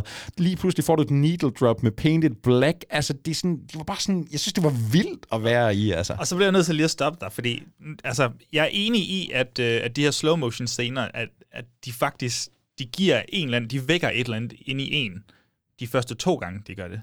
Og så, bliver det, så er det som om, at det er den eneste visuelle gimmick, de egentlig har. Det er den der slow motion scene, som de bruger, altså jeg tror, fem, fire, tre-fire gange i løbet af den første sådan halve time, hvor øh, Black Adam er introduceret, og så måske tre-fire gange mod slutningen også. Og man bliver sådan lidt, okay, så, så må I også vise noget andet, fordi ellers så synes jeg mestendels, at det er igen, vi er ude i øh, CGI, øh, gummimænd, der slås, mens de flyver i luften. Ikke super stimulerende at se på, synes jeg personligt. Der er et lille indspark af en Doctor Strange-agtig karakter, der hedder Dr. Fate, tror jeg, spillet af, er det ikke Pierce Brosnan? Jo, det er Pierce Brosnan. Og han, og han, han, han bringer lidt, øh, han bringer faktisk, det er jo det med superheltene, det, det gode, når de slås, det er, at de bruger deres unikke evner visuelt, så man kan se, at der, altså, at der, at der er en adspredelse i, hvad de prøver at vise. Fordi det Black Adam gør, det er at slå hårdt og skyde med lynild. Det er One Punch Man. Det er altså. One Punch Man, og det er for mig pissekedeligt at se på. Og Dr. Fate, han giver, hvis man skal bide ind på superheltepræmissen der, så bringer han i det mindste lidt anderledes til det. Og jeg synes faktisk, de andre superhelte, der også er med, Hawkman, S- Cyclone... Atom Smasher, Cyclone Og jeg synes og faktisk Hawkman. ikke, de er super spændende i deres det, udtryk. Um, det, det var sgu ikke min oplevelse. Altså, jeg synes, ikke, jeg synes netop ikke, den bare har... Jo, jo, der er store mænd, der slår på hinanden, og vi flyver rundt op i universet og alt det der. Men jeg synes sgu, den har noget sådan legesyghed over sig. Ja, både Fate der, hvor der går noget Doctor Strange på banen. Jeg synes, øh, Hawkman, altså øh, både det våben, han bruger, den måde, han er på. Der, ja, der var et eller andet over måden, den her film er skudt på, når den har sine actionscener. Jeg synes, det var langt mere stimulerende, end hvad jeg synes, jeg har set i mange, i hvert fald, øh, lad os sige, Marvel-film. Og også nu siger du, der er meget slow motion. Jamen, så tør jeg ikke tænke på, hvor meget slow motion du synes, der er i uh, Zack Snyder's Justice League. Nå, eller ja, sådan ja, noget, men hvor, hvad er det, du sammenligner to lorte, altså det er sådan lidt... Jamen, det synes jeg ikke er rigtigt, Joachim. Jeg synes fandme, der er, der er noget at komme efter her. Jeg synes, der er en... Øh, altså, Jamen, det er fordi, den ikke, jeg, synes, jeg synes jo netop, at den ikke har andet at byde på, end de der slow motion, som den overbruger. Jeg, jeg, jeg synes virkelig ikke, at den rent visuelt har anden stimulerende. man kan sige, den, den er meget, måske. øh, den genbruger jo meget, vi har set før. Så har du en Atom Smasher, der kan vokse så stor, ligesom øh, ja, Ant-Man, eller du har en Cyclone, der kan lave sådan nogle... Øh, Storm eller et eller andet. jeg synes, der var noget fedt i det, og jeg synes også, der var en... Jeg kunne godt lide, der var en uforudsigelighed, ikke? Fordi det er jo også det der med, når du har den der Superman-agtige type, hvem skal stoppe ham? Hvem, hvem, er det sjovt, at øh, Dwayne Johnson, der ikke, altså han kan jo slå hvem som helst. Altså det er en mand, det er en skuespiller, der vil have det i sin kontrakt, at han må ikke Ja, se ja. svag ud, ikke? Jamen, hvad er præmissen her? Nej, du sidder ikke med en følelse af, hov, jeg tror sgu Black Adam, han får modstand nu. Men der er sådan en... Øh, jeg, jeg havde en interesse i, jamen fanden, hvor, hvor skal de her ligesom føre hen? Det havde jeg helt oprigtigt.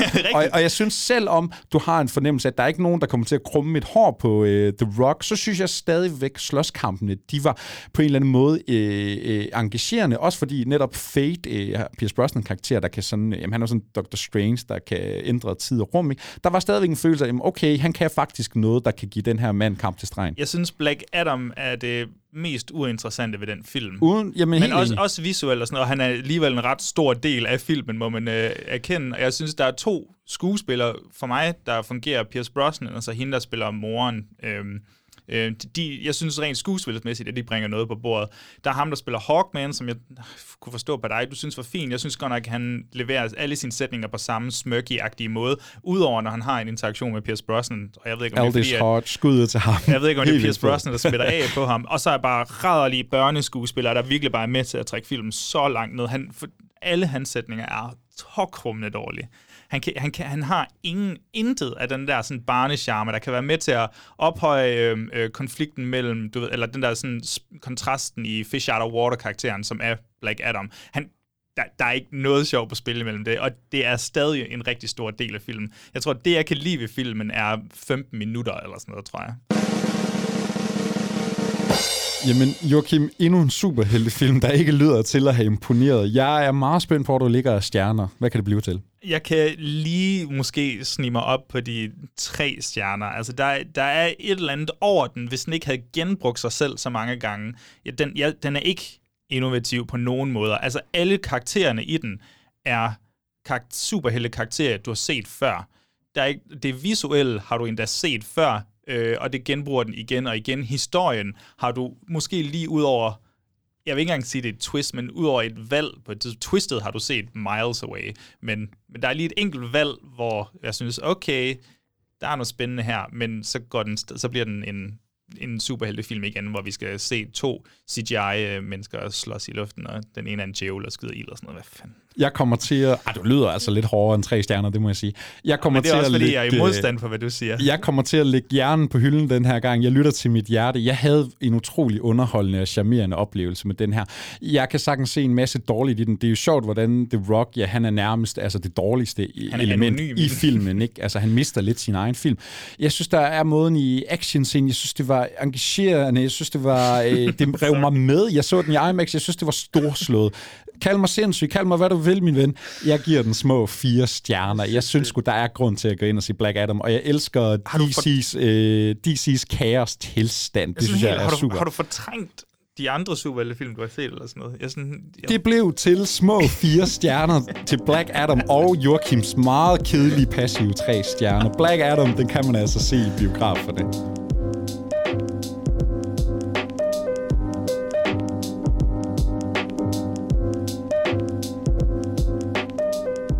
Er du kommet der oven på Black Adam-affæren? Ja, det er super. Det er godt, det er godt lige at få, få lidt blod på tanden. Og, og Jeg kan godt lide, når du får blodårene frem i panden i det her studie. Det er ikke så tit, det sker. Det er godt, du har noget at være passioneret ja, omkring. det er også det, at det lige at det lige Black Adam, havde jeg godt nok ikke lige regnet med, at skulle være. That, that's the hill I'm ready to die on. Black Adam, selvfølgelig afsnittets bedste film, eller hvad? Skal Tag vi lige, den, øh, skal vi lige have IMAX. opremset, hvad det var, vi havde med at gøre i dagens episode? Ja, du fik jo faktisk lige givet fem stjerner til Hot D, hvis vi skal tage den med i opløbet. Men ellers så øh, Joachim, han hoppede biografen. Det blev ikke til det store smil, da han så smile. Det var altså, hvad meget blev det til? Ej, det blev til lille fire stjerner. Det blev sådan, du ved, jeg trækker lige lidt på kinden. Vi var lidt mere glade for øh, en ny Stephen King-filmatisering. Måske ikke nok til at finde ind i en top 5, men det blev sgu to gange fire stjerner til Mr. Harrigans Phone over på Netflix. Så øh, var vi lidt mindre glade for den fæle træer i en øh, fejlagtig trilogi. Halloween Ends, det blev altså to Evil gange to stjerner. Michael Myers Dies Tonight. Joachim, du har set Midnight Club. Ikke et nyt øh, pletskud fra Mike Flanagan. Hvad det, kunne det, det kan til? man ikke sige. Det blev til, til tre stjerner. Jeg synes, øh, jeg synes, jeg kan se, at der er nogen, der roser det lidt mere på, ind på vores eget site, ind på movie.dk, men øh, jeg må nok indrømme, at det er, lige, det, det er sgu et fejlskud for mig. Ja. Den hypede kokkeserie The Bear, ja, den levede altså op til hypen. Du var på fem stjerner, jeg gav den fuld plade, det blev til de seks stjerner. Ugens anbefaling, når man har set Black Adam i biografen. Tag ind og se Black Adam, og så hjem og se The Bear. Holy Spider, den er der altså også grund til at gå ind og se. Lad os håbe, den kan gå hele vejen til Oscar'en. Jeg gav den fem stjerner, du lå lige på fire. Ja, store fire. Altså, man skal se den. Det skal man. Andor, der var ikke sådan super meget at sige, men øh, det kunne altså blive til fire stjerner. Det er nok ikke vores fire stjerner, man skal lade sig påvirke Nej. allermest af. Lidt mere kedelige fire stjerner, det var det altså til All Quiet on the Western Front. Det var som om øh, gassen gik af ballonen Ja, det var her det til nok. sidst. To gange fire stjerner til øh, en tysk krigsfilm, du kan se på Netflix lige Jeg tror også, det var derfor, jeg var så glad for, at vi endte med at snakke om Black Adam til sidst, så vi lige kunne få pulsen op, ikke? Fordi Præcis. du endte med fuld plade, var det sådan? øh, mentalt, altså det er jo det, jeg har lyst til at give, men jeg må hellere være... Øh, jeg, jeg, jeg føler så, at vi er, du ved, vi er bogstaveligt talt kun én stjerne fra hinanden, men jeg føler, at jeg ligger på en, og du ligger på seks i måden, vi snakkede om den. ja, i, præcis. Nej, men jeg synes også, det er lidt kujonagtigt, du gav den tre stjerner. Du skulle have givet den mindre. Det Ej, synes men jeg. øh, jeg synes, det er sjovere, at du lige bliver nødt til at forklare, hvorfor fanden den var god, fordi jeg synes, det er noget, vi har kritiseret tusind gange før. Nogle gange, så må man lytte til hjertet, og det gav altså fire stjerner til Black Adam og Joachims tre stjerner. Den skal du selvfølgelig ja. ind i biografen og se. Skal vi lave en Black Adam spotlight, eller hvad? Ja, det kan vi næsten blive nødt til. I hvert fald DC tilbage i topform. Det er fantastisk. Skal vi øh, have afsluttet den her episode? Er der mere, vi skal nå at sige overhovedet? Gider vi overhovedet plug det der uh, Suspiria-event? Er billetterne ikke væk? billetterne er sgu nok solgt, og jeg tror bare, man skal, altså, vi gentager bare lige, hvis I vil være med til at varme op til David Cronenberg i fremtiden, så er det nu, I skal dykke ned i hans øh, filmografi. Altså, vi kommer til at... Planen er, og der er plads til modifikationer her, men planen er, at vi kører tre afsnit, hvor vi går igennem hele hans filmografi. Vi har gæst på første afsnit, vi har gæst på andet afsnit, og så på tredje afsnit, der kommer vi til at tage den sene del af hans karriere og slutter af med en anmeldelse af Crimes of the Future. Og øh, når man ikke har fået billetter til øh, Suspiria-eventet her, jamen, så kan man alligevel glæde sig til næste uge, fordi øh, vi er tilbage med en top 5, og hvem skal det handle om, Joachim? Øh, det skal handle om Dario Argento, det har vi jo optaget.